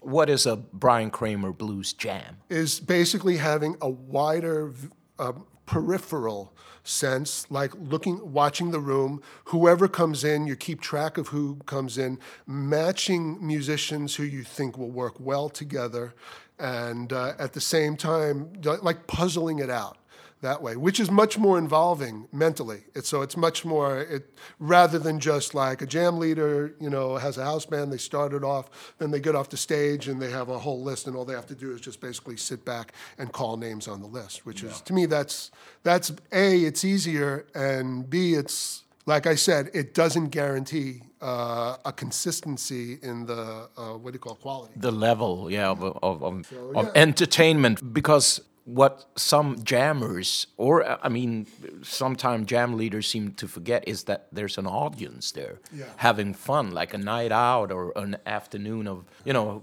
taking a drink and just, they're at the show. Yes. And I'm always considering the audience, who walks in the door, how to put people together. And then just basically with those elements, um, that's why, you know, over 20 years, from Saturday to Saturday, it always, like I'm, I'm about to start the Blues Jam now, going into the, you know, the 20th year. And it feels exactly the same way. I don't know what's going to happen like anyone else is going to happen. It's a mystery. I'm not, I'm not thinking, oh, last week was great. How are we going to top that? It just, it feels like, like anything can happen and it feels completely fresh and new and it's going to be great. I, that's what i know. Yeah. My next question. Many youngsters have taken the, their very first steps at your Saturday Stamp and Jam over the years and have then taken the step and become established bluesmen or women with successful careers on their own or formed bands, etc. Can you give us some examples? isn't that incredible though i mean to me that was my biggest hope was cultivating i mean that's another thing to remember back at That was a cell phone going on. That was Junior Wells' cell phone ring, by the way, Hoodoo Man Blues. There wasn't really a, uh, a younger generation of players at that time. There are, were amazing players and still are amazing players, veteran blues players on the scene. But, you know, there wasn't uh, too many opportunities to cultivate these younger players. And that was uh, something that I wanted and hoped. Like, for instance, for this last 20, for the 20th anniversary was we had this Young Guns reunion. And you know who the Young Guns are. I sure do, but please explain for the listeners. The Young Guns is probably one of the first young, youthful star blues groups here to make their way onto the scene in a long time uh, in Sweden. And uh, they consisted mainly of Emil Arvidsson and Daniel Cordelius, both who I remember very clearly the days that they walked in to do the blues jam at the first time and played with us. And they looked very different and had very different instruments back then. A lot of long hair going on. Yeah, a lot of funky stuff going on, and you know, half uh, broken instruments and things like that. But uh, they came and they started joining us and and bringing their girlfriends and bringing their friends and other people as well, young people back then like Little Chris, Christopher Shui, who went on to uh, you know signing with Stockholm Records and then being Jasmine Cara's guitar player, as well as Jasmine Cara, you know, getting a career from the blues jam scene. And like all these players that young players had just started bringing younger people into the room and, and getting excited over the blues. The best thing, getting excited about it and being able to help them get a blues experience. It was real fun to watch uh, Emil and the Daniels. I mean, from from the I guess the heavy metal direction they had when they came in the first time to to what happened. It's a, it's just an amazing thing to to witness. And again, for me, the most important thing on this scene and in this environment is that whoever gets up on stage at any level, they walk away feeling like they've had an experience that was very connected and very much beyond what they thought. Because most people, you know, you have to handle them with care. You know, you know how it is. I mean, even for seasoned professionals like us, you you get up on a stage and you still have there's that uh, sense that anything can go wrong and you have to be on your guard. Well, imagine people that don't do this professionally and they're just trying to have a good experience. So feeding that to like these young people and then having them walk away feeling like it was better than they imagined, that's to me that that's in my mind. That, that's really great. A lot of highlights, I guess, over the years. I'm sure any that stands out. It's funny because you asked me this question, and just a rush of things just literally clamor into my brain and almost like cancel each other out. You have to choose like two or Oh my God. Uh, Fast Fi- Finger Jimmy Dawkins. Derek Walker was doing some touring with him, and he brought him to the Blues Jam. And I believe he was uh, there for one of the anniversaries as well. And meeting him and playing with him was great. We had a lot of great players like that over the years as well. But I would say one experience that's connected to what we were talking before was around the second anniversary as well was when I got Sven, Sven Zetterberg, up on stage with us. And Sven was a hard nut to crack. I'll tell you, because we had already been doing the blues jam for about a couple of years, and we were friends. And every time I brought it up to him, Sven is the king of the blues here. He plays all the festivals, and he could play anywhere he wants. But then you ask him about a blues jam, and he would be like, "Blues jam, isn't that for amateurs?" And I'm like, well, no, not just for amateurs. It's really great. You're going to love it. You have to see all these young people. You know, I would go at it with him. Finally, he agreed to be a part, him, as well as Knockout Greg and some other musicians. And I remember getting him up on stage, and, you know, he, I was standing right next to him.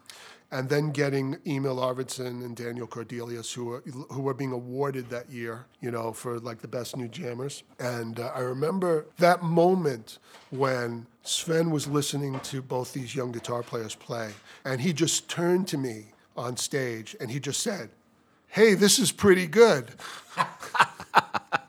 and, you know, Sven, you know Sven, he's very focused, he's very intense. But he but that was the moment when he realized uh, that this was something special too. Yeah. So I would say uh, there are too many wonderful experiences to count. I mean, we get people internationally joining us, popping in and out constantly. But you know, th- those are a couple that stand out.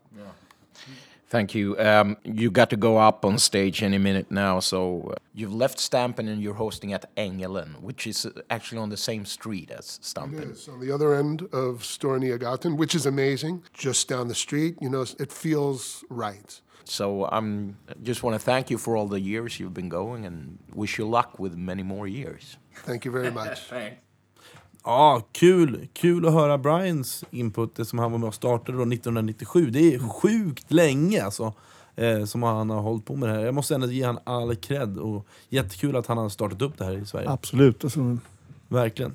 Och det var, du har ju tagit influenser också, som du sa, av Brians sätt att leda jammen. absolut. Eh, jag tycker att han har gjort mycket jättebra. Liksom. Sen har jag, jag tycker jag man kan förfina det lite grann till. Men Såklart. Och, och nu eh, för, för de som vill gå och, och jamma med Brian så kan de gå till England sagt. på lördagar. Ja, men du, du var ute och snurrade nere på Sankta Clara också. Jo, men jag tänkte jag kör ju hela grejen Ja. då när jag ändå håller på. Så att jag Hela gick ju... Då ska vi säga att Engelen är ett eftermiddagsjam mellan 14 och 18. Mm. Och likadant har vi på samma gata, eh, några hundra meter bort, Stora Nygatan i Gamla stan, i Stampen, legendariska Stampen, som kör exakt samma Mm. Och konkurrerar inte med varandra. Nej, Häftigt. eller- Ja, det Ja, blir. Men det ja, ja, inte... det gör de på ett sätt, såklart. Ja, men det, det är ju två bluesjam på samma tid, 14 till 18. Jo, men de- eh, Men på något sätt så, folk går däremellan och det, det, ingen tar ut Det den andra. Jag gick dit direkt efter jag hade... Jag lyssnade på Brian och, och gänget som var där någon timme och så gick jag vidare. Och då hamnade jag på Stampen och slet tag i en kille med gitarren på ryggen. Och det var jättehög volym där inne så jag sa att vad fan, vi går till logen där han aldrig hade varit. och det visade sig att eh, det var ännu en amerikan, så nu blir det engelska igen. All right. Eh, så från Stampens jam för en vecka sedan, Gareth Smith. All right. Okay, so I'm sitting here at Stampen, and like you hear, it's still English from Brian Kramer to Garrett, right? That's right. And you're one of the guys that goes out jamming, and that's why I'm talking to you. Are you a guy that goes to every jam here? I, we just talked about it, me and Brian. It's four venues with different jam sessions here in uh, just two blocks. Yes, that's true, and it's it's great in some ways. Um, I, I have a love hate relationship with jams, as I'm sure a lot of guys do. You know, you, you come here and you, you wait, you wait. Sometimes I think like, you know, I could have be more productive at home practicing. Well, I didn't go there with, with Brian, but that's a key question, I guess. Um, the the amount of playing that the house band does before they even call up anybody is that an issue for you? You think? Well, sometimes, um, unless I'm in the house band, which has happened, uh, you know, quite a bit. It is what it is. It's like that at every place, in every city, in every blues jam I've been to. It's it's that way. So that's how it is. So let's start where I should have started. You're from what country? Oh, I'm from the U.S. I'm from Seattle, Washington. So, uh, what's your opinion about uh, blues jams in Sweden versus America? It's funny. I've only really been to one, the blues jams in Seattle, but I find there's a, a better uh, scene for the kind of blues I like here in Gamla Stan and in Stockholm than in Seattle. Seattle is very blues rockish. Um, here, I find there's a, a, a guys that really are interested in playing kind of uh, post-war Chicago blues and West Coast blues, which is my favorite thing to play, um, other than funk and soul. And uh, let's go into details. What jam session of all these fours would you say is the most like vintage orientated, uh, playing that style of blues that you like? Oh, no question, it's uh, Staclara. Um, you know, like most of the house bands have a upright bass player, and uh, there's no substitute for that sound, really. Um, but it's where I met, you know, Uba. It's where I met Per, Hannes, Jack Ekland, um, you, um, and you know, it's it's where I've met like some of my favorite players in Stockholm. Um, and you know, so I like it better than actually any of the other jams. So, Garrett, any tips to other players that that's kind of new to blues jamming? What should you think about going to a blues jam? I'd be really sure about what you think you're capable of before you try to get up and do it in front of people because it's a whole you, you know once the, the red light is on or once you're in front of people like it's it's much more difficult than one thinks and the things you think you know just disappear so i'd be really sure that i have things under my fingers before i show up you know and have a grasp of the idiom um, of the blues you know Like the style of the style, yes. Have a, a grasp of the style. You know, if somebody says, you know, it's a swing in C with a two five, like you better know what he's talking about. He or she is talking about. You know, um, and if you don't, then maybe you should go home and work on it a little more. Um, that kind of thing. So, uh, thank you for being part of the blues pod. Yeah, I'm, uh, I'm glad to be here. Thanks. Can you see, say something in Swedish before we leave? Uh, jag älskar Sverige. Thank you. Och vi älskar dig, Garrett. Tack Garrett. Mycket beröm. uh, I love the way, by the way, if you're listening now, Garrett, I love the way you say the venue name, Staclara. It's Saint Clara, eller som vi säger i Sverige, Sankta Clara. Now you have it. Eh, jag gick ju vidare då i eh, Stockholmsnatten. Det här var och för sig på eftermiddagen. Ja. Både Ängeln och Stampen. Det finns ju kvällsjam. Ja, de är eftermiddagsjam Ja. och Sankta Clara är kvällsjam då, fredag, lördag. Så jag gick dit lite senare och eh, första jag bumpade in på var en av... De var två stycken som ledde jammet på kvällen. En av dem heter Hannes Mellberg. För mig en rätt så ny bekantskap. Eh, men lyssna här. Hannes Mellberg, tjena. Tjena, tjena. Hör du, eh, jag har ju inte känt det så jättelänge, men i, enligt min uppfattning så är det ju så att du är en av de här lite yngre up and coming jammarna som det har gått rätt så fort för. Och med det menar jag förstås att du har gått från att rätt så nyligen börja gå på jammen till att numera agera jamledare då och då. Stämmer det? Ja, det stämmer. Jag började jamma på Sankta Clara för cirka två och ett halvt år sedan. Och sen har det blivit att jag har gått runt på alla jammen här i Gamla stan. Men eh, jamledare är jag ibland på Sankta Clara. Okej. Och då är, upplever jag det som att tidigare så var det här med vem som ledde de olika jammen, det var lite ristat i sten. Liksom, sådär. Att, eh, ja, Brian Kramer förstås, som, som ja, körde i 18 år på Stampen och numera då på Engelen. Men, men även eh, så har vi ju Wirströms, har ju fast Stampen, har fast jamledare. Men här då på Sankta Clara så verkar det pendla friskt och så dyker det upp nya jamledare som du då hela tiden. Och då är min fråga om det är en positiv grej eller kan det vara bra att veta vad man får liksom? Vad tycker du? Fördelen tycker jag som jag har sett när jag har varit samma jamledare är att de ofta får en väldigt bra rutin på hur jammet ska fortlöpa. Hur ofta, många låtar folk får spela och de har oftast väldigt bra koll på volymen. Men eh, musikaliskt kanske det är tråkigt för de som sitter i publiken och lyssnar att varje vecka få höra samma person som står och bränner en timme innan jammet. Jag, jag tror på blandat. Yes. Eh, du är något så ovanligt som en ung up and coming gitarrist som har valt gubbabluesen. Och den lite fetare jazzburken. Alltså för de som inte hajar tugget så är det en lite tjockare elgitarr helt enkelt som ofta jazzgitarrister använder för. Eh, vilka är dina svenska förebilder? Först och främst är det Sven Zetterberg. Det är min absolut största favorit. och Idol. Sen är det eh, Roffe Wikström, Peps Persson, Trickbag. Wow, kul. Tack så hemskt mycket. Nu har du chansen här att skryta lite då, eller göra lite reklam. Eh, så om du har något fast band eh, så får du nämna det nu, rakt ut till Bluespodden. Jävlar vad stort. Eh, jag spelar med några som heter The Blue Solution. Och vi är ett femmannaband. Så ditt budskap är boka Blue Solution. Boka Blue Solution, det första ni gör. Hör du, till sist, bästa slash värsta jamminne? Eh, bästa jamminnet har jag nog från eh, Stampen. När jag var uppe och fick jamma med eh, Ola Insulander och Bill Örström, eh, Björn Gideonsson och Derek January. Det var ett fantastiskt bra jam och det bara flöt på, det var kul. Värsta jammin har jag väl därifrån också, när man har hamnat i någon sån här mardrömskonstellation där alla vill olika och så. Tack för att du ville vara med i Bluespodden, Hannes. Och lycka till med dina framtida projekt. Tack själva. Kul att jag fick vara med.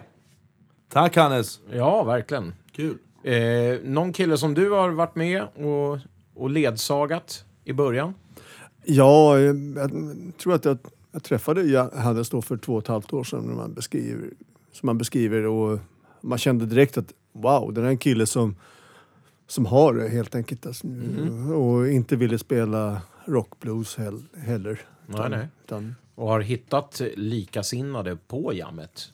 Det är väl det som är lite tanken, att man, man träffar folk på jammet, man kanske bildar band eller... ja, det har han absolut gjort. Vet du, och han, ja, Ja, men guld. Eh, sen var det ju så att eh, jammarna kom och gick och jag passade på att intervjua så många jag hann med. Och jag klumpade ihop några stycken här i ett, eh, som jag kallar det för jammar-medley. och eh, lyssna nu grabbar, för fan. Ja, för fan. Här kommer jammarna! Tack.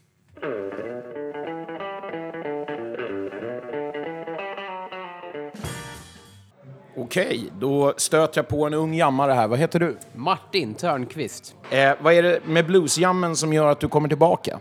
Nej, men det är den personliga utvecklingen ändå. Man är musiker och, och det är, alltså sitta hemma på kammaren och öva, det kan man göra liksom. Men det är då när man kommer ut och får prova det liksom inför publik med andra musiker som man utvecklas på riktigt och får prova sina idéer och så. Är du en av de här killarna som kommer precis innan du ska börja eh, jamma och sen drar du direkt när du har gjort din grej? Nej, absolut inte. Jag tycker att det är jättekul att bara hänga, gärna innan en stund och, och ta någon öl och lyssna och eh, lära av andra. Och sen spela själv och sen hänga kvar också och snacka med publik och, och andra jammare och så. Så nej, men alltså det här är också mycket en social grej. Så det, nej, men jag hänger gärna hela kvällen, det gör jag. Ja, låter bra. Vilket är ditt favoritjam? Eh, får väl ta de här fyra i Stockholm, har blivit aktuellt.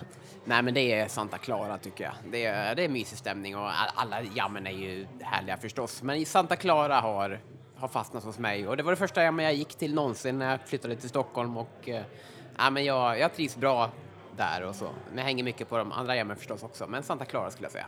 Och du spelar vilket instrument? Jag spelar elgitarr och eh, sjunger. Till sist, ditt värsta slash bästa eh, bluesjam-minne? Oj, alltså jag vet inte. Alltså jag kan inte. Det värsta och det bästa har nog förmodligen varit på Santa Clara. Om jag säger så. Det är här du hänger mest. Det är här jag hänger mest. Jajamän. Men då får jag tacka för att du ville vara med i Bluespodden. Ja men tack detsamma, tack detsamma. Skitkul att få vara med, verkligen.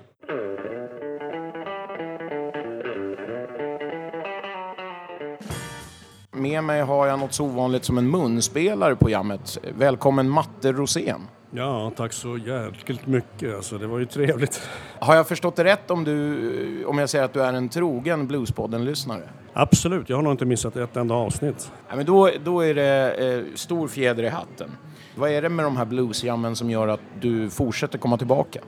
Det är nog alltså den här gemenskapen som blir stödgruppen för oss munspelare som ni snackade om förut, framförallt. Det har väl varit det. Jag har ju varit jamledare också på de här äh, jammen och kört en del, och, men jag kommer tillbaka ändå som jammare för att eh, jag blir triggad och jag tycker det är kul.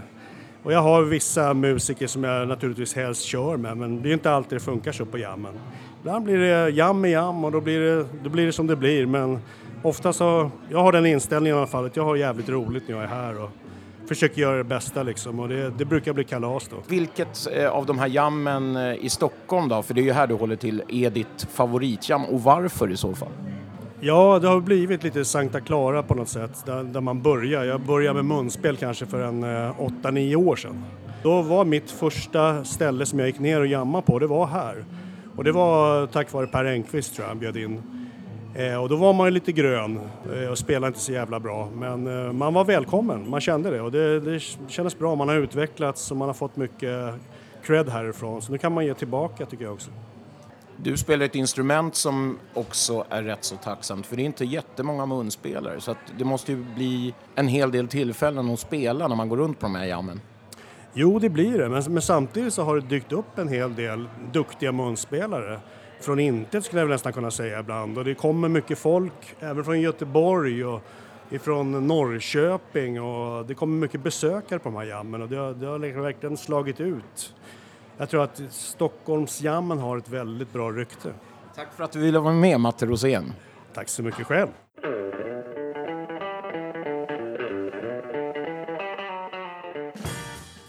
Då sitter jag här med Ralph Youngblood. Välkommen till Bluespodden. Ja, ta- tack Tommy. Du har ju ett av de coolaste namnen måste jag säga. Det har jag ju sagt till dig förut. Jag vet inte, det är väl ingenting du behöver kommentera. Men du är från eh, USA från början eller? Exakt, New York. ja. Okej, det är lite liv här runt omkring men eh, jag brukar fråga allihopa så här, vad är det som gör att du kommer tillbaka till bluesjammen? Eh, just ikväll är jag i husbandet. Så. Så idag var det ett enkelt svar. Men i vanliga fall, när du går ut och, och jammar, vad är det som, som gör att du, som, som drar dig till bluesjammen? Uh, eh, det är beroende på vem som driver den och kör. Och jag har spelat så pass länge så då vill jag inte spela med vem som helst egentligen. Så jag kommer bara för att försöka spela med dem som jag tycker om att spela med. Om jag inte kan så, ja, så då, då går jag hem. eller, eller inte kommer alls liksom. Okej, hårda bud hörru. Hör du, eh, Ralph, ehm, vilket är ditt favoritjam och varför? Stampen på, men det är två ställen. Det är, det är Stampen för att det är lite mer action och variation där. Och bra spelare. Uh, Santa Clara, det är lite laid back. Det är bra spelare också, men alla känner varandra på ett bättre sätt. Man kan, bli, man kan tappa bort sig på Stampen eftersom det är så mycket folk som dyker upp. Skulle du säga att Stampen är det populäraste jammen här i, jammet här i Stockholm? Ja, det tycker jag. Ja, men vad kul. Tack så hemskt mycket för att du ville vara med i Bluespodden, Ralf. Tack själv. När, när kommer jag li- lyssna på den här? Ja, det, jag vet inte när du kommer lyssna på den. Det bestämmer du helt själv. Men vi kommer spela in den eh, om drygt en vecka. Ja, tack så mycket. Tack, tack.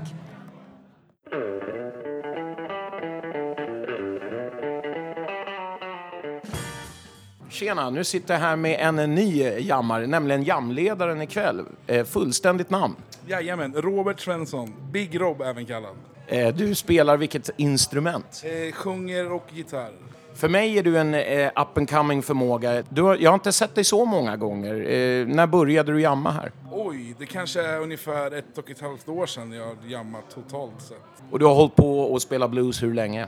Oj, det är inte så länge som... Det är typ ett och ett halvt år också som jag har börjat lira. Jag har alltid lirat och hållit på med musik, men bluesen är ganska ny för mig. Liksom. Hur kommer det sig att man från eh, att precis ha börjat spela blues till att leda ett bluesjam, hur fan går det, hur går det till liksom? Jag vet inte, jag snöade in mig i det här med jammet och allting och älskar att jamma och lira blues. Sen så vart det väl, började jag fronta mer och sjunga, så då vart det ju den möjligheten. Så att det är skitkul, jag är astaggad så ja. Du är nöjd med läget? Jag är jättenöjd med läget, så kan man säga. Vilket är ditt favorit bluesjam och varför i så fall? Alltså jag tror, alla jam är ju bra på olika sätt liksom. Det är helt annan aura, vibe och sådär. Men jag tror ändå att Ängelen blir, ligger mig nä- närmst om hjärtat för det var där jag började första jammet också. Ditt värsta eller bästa bluesjam-minne? Det var väl när man var lite grönare och sådär och så köpte jag en sån jazzburk som stallet satt inte fast. Eh, mitt i låten så började jag spela, allt var helt ostämt och det vart liksom pannkaka av allting. Då var det så här, fan håller jag på med? Men man måste ju få det värsta jammet för att sen kunna få bra jam också. Så, så det var det värsta. Det var in, ingenting funkade. Det var liksom, man stod där och bara svettades och det bara lät skit och det var liksom så. Vad har du för eh, svenska influenser? Jag håller just som gitarrist så tror jag nog faktiskt att Thomas Hammarlund är en stor favorit till mig när det kommer till blues. Vad kul, Mr Blue. Ja, för då han, var de, han var en bland de första jag såg som jävlar, så där vill jag också låta när jag, någon gång. Så det är Tompa håller jag jättehögt. Kirurgisk precision. Verkligen. Så det är, när det gäller gitarren så verkligen så är det Thomas Hammarlund. Kul att du ville vara med i podden. tack, tack.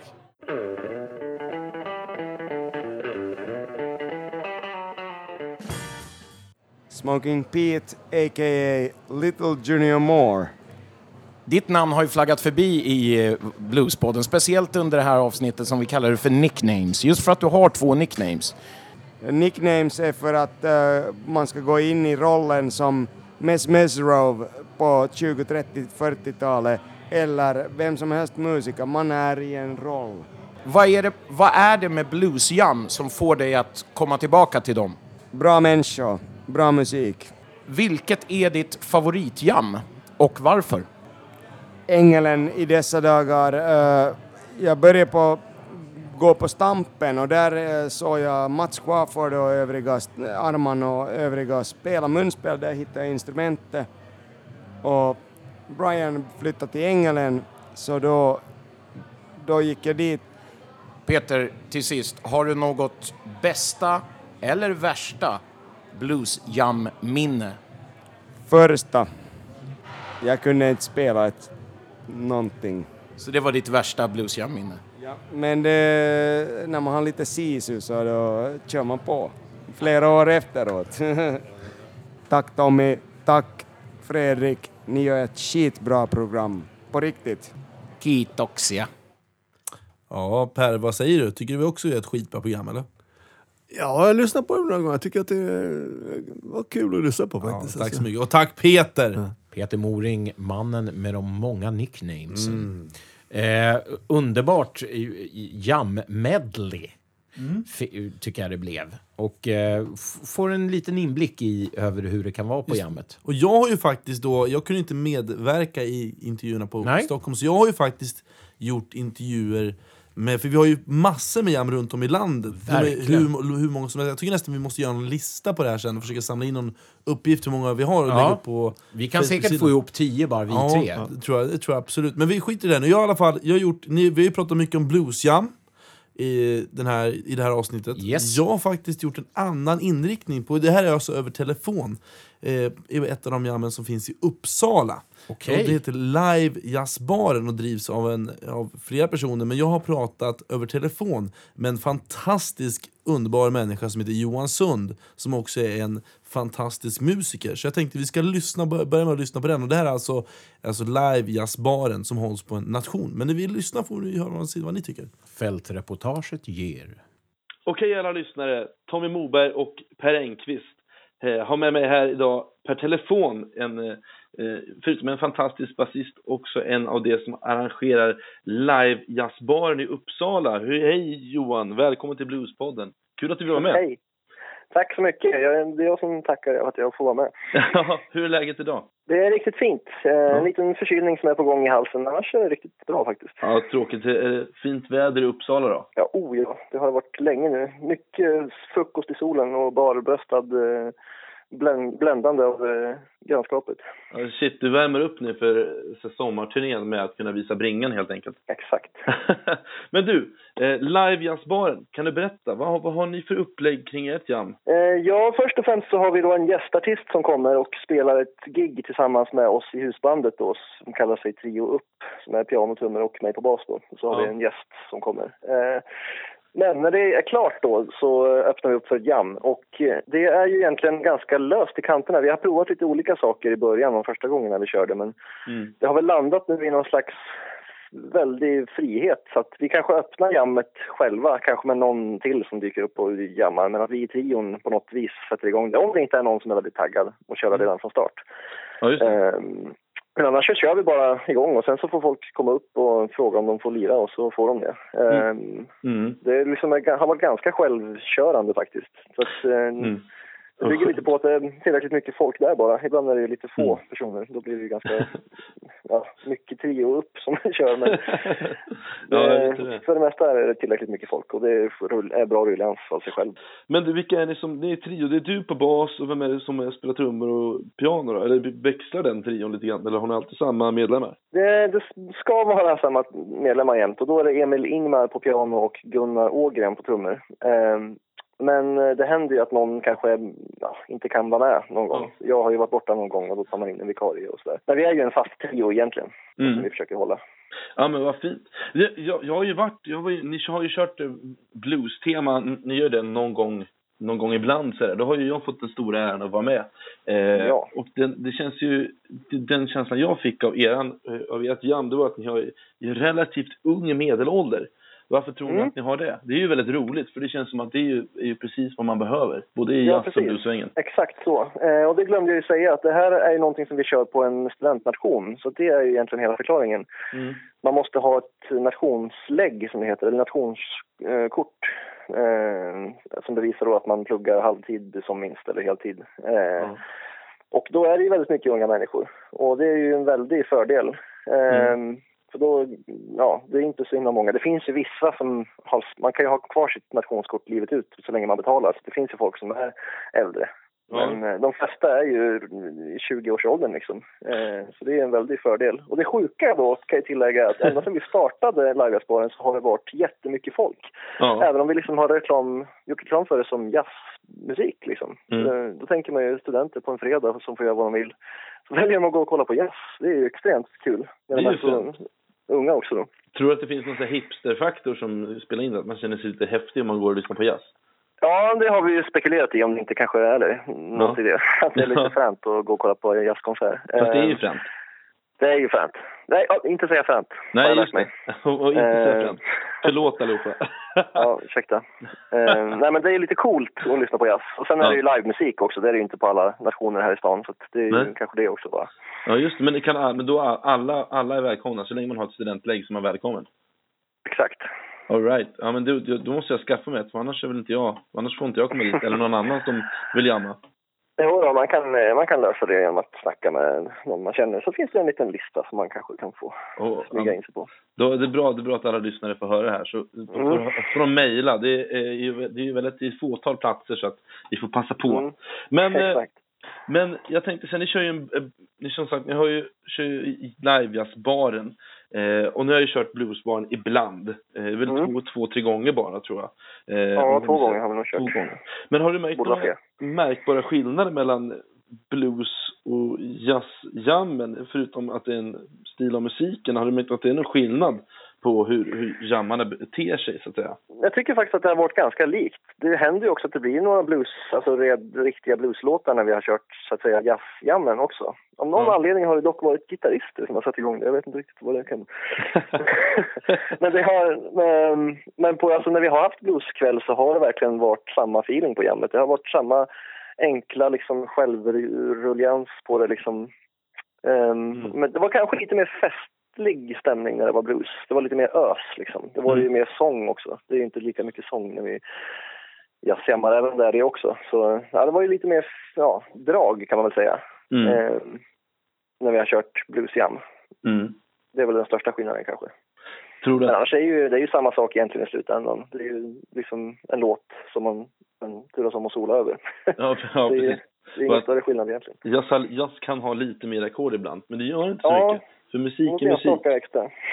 Här i Bluespodden så är ju, är ju, vi pratar ju med rootsmusik, så jazz får faktiskt vara med. Men du, Johan Sund, tack så hemskt mycket för att du ville vara med i Bluespodden. Ja, men tack själv. Det jag, var tycker en ära. vi, jag tycker vi får diskutera uh, basism och filosofin med igång och blues. Men det tar vi i, i nästa avsnitt. Så tack så mycket. Tack själv. Tack Johan Sund. Vad trevligt Per. Eller Per säger jag. Du sitter bara och är, är fin här. Men eh, Fredrik, eh, trevligt att Kul, du gjorde en... Ja, Uppsala visste jag ingenting om att de Nej. körde. Ja, men nu vet ju alla det. Eh, vill du reda ut det här nu? Är det bara liksom studenter? Kan man komma liksom vem som helst eller? Nej, han, nej men alltså, det finns möjlighet, eh, det, det finns möjlighet, som Johan säger i intervjun så finns det möjlighet om man, man kan höra av sig innan om det skulle vara så att man blir sugen på att gå. Men jag vet inte exakt hur många listplatser det finns eller sådär, utan det, det, det får man ta då. Man får, man får mejla och höra av sig till Mm. de som arrangerar konserten, det går säkert att lösa på Ja. något sätt. Men jag har ju också, förutom prata med Johan, så har jag också pratat med en av entusiasterna kring kanske ett av de mest uppmärksammade jammen i Sverige. Eh, där, som har fått otroligt bra kritik både från jammare och både från de gästartister som kommer dit. Eh, som har hållit på, ja det får vi verka snart i intervjun, men Hedemora Blues Jam. Ja, man, man kan ju inte ha ett inslag om Blues Jam utan att prata om, Hed, prata om Hedemora Ja, Blues vi sitter jag. som frågetecken både du och jag Per, eller hur? Ja, jag har inte varit där. Jag har fått, vi har fått vissa f- frågete- eh, frågor om vi kan ställa Mm. upp som husband. Och, men det har aldrig kommit till skott riktigt. Alltså. Det känns som det, det, var, det var ju namnet på allas läppar. Det var i alla fall när jag, det vet Mm. jag i alla fall om. Ja. Eh, när jag började. Och jag tycker det var därför det var speciellt kul att och, eh, prata med dem och se vad de har för upplägg och vad som, vad som har... Det känns som att alla har varit där också. Alla... Jag skojar ju såklart. Jag menar, det är klart att jag har hört talas om Hedemora Blues Jam och jag har varit i kontakt med dem precis som du Per. Mm. Vi skojar lite. Eh, och, och en av de första som vi hörde i Brian-intervjun Mm. som drog igång utanför Stockholm. Så all cred till Hedemora och hoppas att jag får komma dit någon gång. Ja. Eh, så kör! Eller vem Nu har du kör- pratat med? Jag har pratat med Kim, som är en av entusiasterna. Så jag tycker vi lyssnar direkt också med per telefon. Fantastiskt. Fan vilka telefongrejer vi gör här! Ja, det- vi det- skypar, ja, vi är telefonar. Alltså, Ja. Jag vet inte vad vi Bluespodden vi- är modern alltså. hip 2018, nu lyssnar vi för fan! Ja, punkt nu. Välkommen Kim till Bluespodden, är allting bra med dig? Tjena Fredrik! Ja, det är bara toppen, toppen i solskenet, vet du. Härligt. För att folk ska förstå vem du är så är du en av entusiasterna kring jammet i Hedemora Blues Jam. Och jag nämnde ju att vi kan inte göra ett reportage i Bluespodden utan att eh, prata med det som kanske driver ett av landets mest uppmärksammade bluesjam, vilket är Hedemora Blues Jam. Så vad kul att du ville vara med idag. Tackar, tackar för det. Är en ära, måste jag säga. Det är klart att Hedemora Blues Jam ska vara med. Ja. Det måste de vara. Ja. Vi har hängt med ett tag nu ju. Ja, kan inte du berätta lite hur det startade för mig, Blue, alltså hur Hedemora Blues Jam? För det var hur länge har de på och sådär? Det är ju, för det, Vi körde igång för, det blir sju år sedan. Vi firade sjuårsjubileum nu i april. grattis!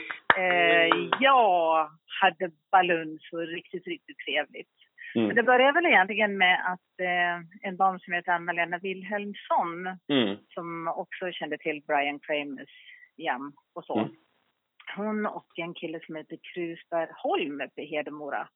Eh, Hedemora är ju en fin stad i Dalarna vet du. Och det är inte så långt ifrån Stockholm heller. Det är liksom bara sådär 17-18 bil. Så vi har ju Mm. faktiskt många gäster härifrån som kommer upp bara att jamma till och med. Mm. Men eh, då tyckte de att det borde ju vara någonting i, i Hedemora eh, också. Och Hedemora har ju en väldigt stark musiktradition med, med gamla dalarocken och så här. Ja. Man hade mycket, ville ha en scen för folk att, för egentligen började väl med lokala, att, att ja, musiken inte skulle behöva sitta hemma och, och trumma på kammaren utan Mm. ha en scen att mötas på och spela tillsammans och, Mm. och ha kul helt enkelt då. Mm. Men vi ville ha lite annat koncept. Ja, precis. Eh, så att eh, det började med att man, man körde igång med ett sånt och hade ett husband precis som vi kanske är vana att ha det på de flesta jam. Mm. Och sen så kör de en stund. Vi börjar klockan två, precis som jammen i Stockholm, Mm. eh, på lördagen. Och vi kör bara första lördagen varje månad. Mm. Och sen så, ja, sen tar man upp jammare. Mm. Och då kör vi så. Och sen avslutar vi regeldagen med en konsert. Eh, Mm. och där vi har eh, ta in gästartister då som kör. Mm. Sådär en, en och en halv timme. Det är lite svårt att få stopp på dem ibland också. Vi har det ju så kul. Ja. Men så småningom lär vi ju hiva av dem och scenen då. Men det blir en riktig eh, avslut på dagen. Och tänk som en inspiration när man går därifrån att, att ja, jäklar min nåd om inte jag också ska göra det där. Jag tänker så här, till alla som vill starta jam ute i landet, alla städer. Det finns jättemycket, även, även Norrköping, där jag är ifrån har jag jobbat med och startat ett jam med Blue Manor, mitt band där nere. Men vad tror du vad tror du är viktigt att tänka på när man ska dra igång ett jam? Sådär. Eh, som, låt säga att Gnesta kommun vill starta ett jam eller Söderköping vill starta ett jam. Vad tror du är viktigt att tänka på då? Som mindre ort? Eller stor ort? Ja, alltså jag tror att, ja, oavsett, jag tror att man måste se lite grann. Vi har ju valt att ha det en gång i månaden för att vi är en mindre ort. Eh, och det, då håller vi också intresset uppe och det skulle kanske inte fungera att ha en gång i veckan, varje lördag till exempel eller så. Mm. Eh, men det som är viktigt eh, är ju också att man kanske får se till att få ett, ett husband som fungerar. Mm. För att det är ju också så att eh, alltså ett husband, ett band som ska kunna vara till för att ta upp jammar och kunna spela och aldrig egentligen veta vad som kommer att hända och ske. Så, Mm. så kan det vara bra att ha en stabilitet där. Det kan vara svårare på en mindre ort. Eh, vi har ju faktiskt inget fast husband varje vecka. Okej. Utan, eh, eller varje gång då i månaden, utan vi har haft olika husband. Och vi gjorde väl samma resa vi som många föreningar gör, att det var eh, de som drog igång det som jobbar häcken av sig, eh, så att säga. Eh, och, och liksom gör allting. Mm. Eh, och eftersom vi också bokar gästartister så blir det ju, det blir lite roddande runt det hela. Eh, Men som en sista fråga tänker jag bara, varför tror du att Hedemora Blues har blivit populärt jam och namnet eh, på allas läppar? Det känns som ni har varit någon form av förebild för många andra jam i, i Sverige. Eller det är bara vad jag tror, nu pratar jag bara från egen, vad jag själv tror. Men eh, vad, vad, vad tror du, varför har det blivit så populärt? Jag tror att den delen har nog väldigt mycket att göra med att vi har en fantastiskt god stämning Mm. och att det verkligen är både högt och lågt. Eh, Alla känner sig välkomna och alla oavsett om det är husband eller om det är, eh, om det är jammare eller om det är gästartisterna så blir de väl omhändertagna. Mm. Och vi har ju också en tradition att efter varje jam så äter vi tillsammans. Mm. Eh, De som kan, eh, så att säga. Så det varierar ju från gång till gång. Men vi samlas både husband och, och vi som har jobbat och gästartister. Och så käkar vi tillsammans, dricker tillsammans. Eh, vi har våran kära poet, poet Bobo som citerar dikter. Ja. Och ja, vi har en jättetrevlig stund tillsammans och det, och Mm. det gör väldigt mycket. Och när de då åker hem så tar de det med sig och sen så sprids det. Och det är jätteviktigt Ja. att ha ett gott rykte. Så. Och det tror jag att vi har. Det tror jag också, i alla fall när man hör folk prata om det. Men du Kim, tack så hemskt mycket för att du ville vara med i, i Bluespodden och dela med dig av dina erfarenheter kring Hedemora Blues Jam. Så hoppas jag att vi hörs snart igen. Det gör vi. Tack Fredrik. Och du, Tack. Ja, tack så jättemycket för en härlig bluespodd. Det tyckte jag var en skitbra idé av er. Det delar vi på våra jamsidor, vet du. Det ska ni ha klart för er. tack så Så lycka mycket. till i fortsättningen. Ja, tack Kim. Vi hörs. Hej! Ja, det gör vi. Ha det gott. Hej. Tack så hemskt mycket. Ja. Ja, och eh, nu måste vi nästan... Eh, Runda av det här Ja. jättemaratonavsnittet. ja, vad säger du Per? Tack, tack för att du vara med. Vad vill, du, vill du sammanfatta? Nej, jag har inte så mycket mer att säga. Det har sagts ganska Du har mycket sagt här. mycket. Jag hade sagt tillräckligt. Men ja, då tycker jag att vi låter vår kära kollega få avsluta det här. Vi har ett sista segment som du vet om från norr till söder eller från Ystad till Haparanda. Ja. Och då har jag valt en eh, kär kollega, St- Stockholmbaserad, men som också varit jamledare, som du uh, antar delegerat ut uh, jamtider till. Mona Johansson har ju nyligen släppt skiva. Ja, just det. Den, har jag faktiskt, den är faktiskt inspelad här nere i källaren. Jag faktiskt- Den är det. Jag Men kan misstänkte man att det knyta det. ihop det bättre? Nej, jag Ja. menar det. Jag, jag, tänkte att det var så. Så jag tänker att eh, det, vi lyssnar på Mona Johansson. Hon får helt enkelt eh, föras ut i jamvärlden och... Eh, Sköndalsnatten. den, och låta, låta den här dagen få säga sitt och den här kvällen. Och tack eh, Per Engqvist och, Tack och Jocke Blomgren och tack alla som spakarna. har pratat och, och puss och kram på er och Ja. allt det där. Och så nu tycker jag... Fortsätt lyssna på Bluespodden. Fortsätt dela. Ja. Ja. Och dela, lyssna och prata. Vi behöver all uppmärksamhet vi kan få. Ja. Och kommentera också och ja, gilla. Men det gillar vi, det gillar vi. Ja. Tack så mycket Per! Tack, ja, tack ska ni ha!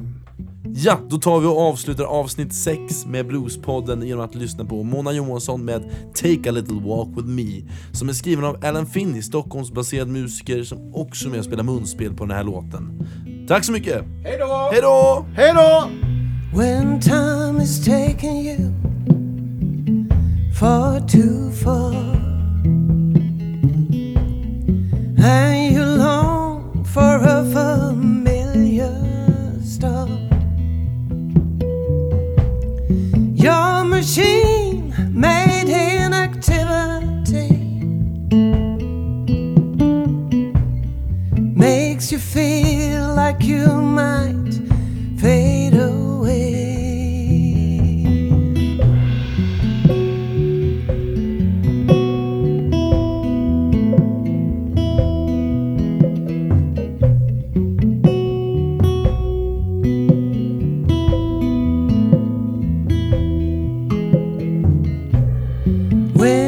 world.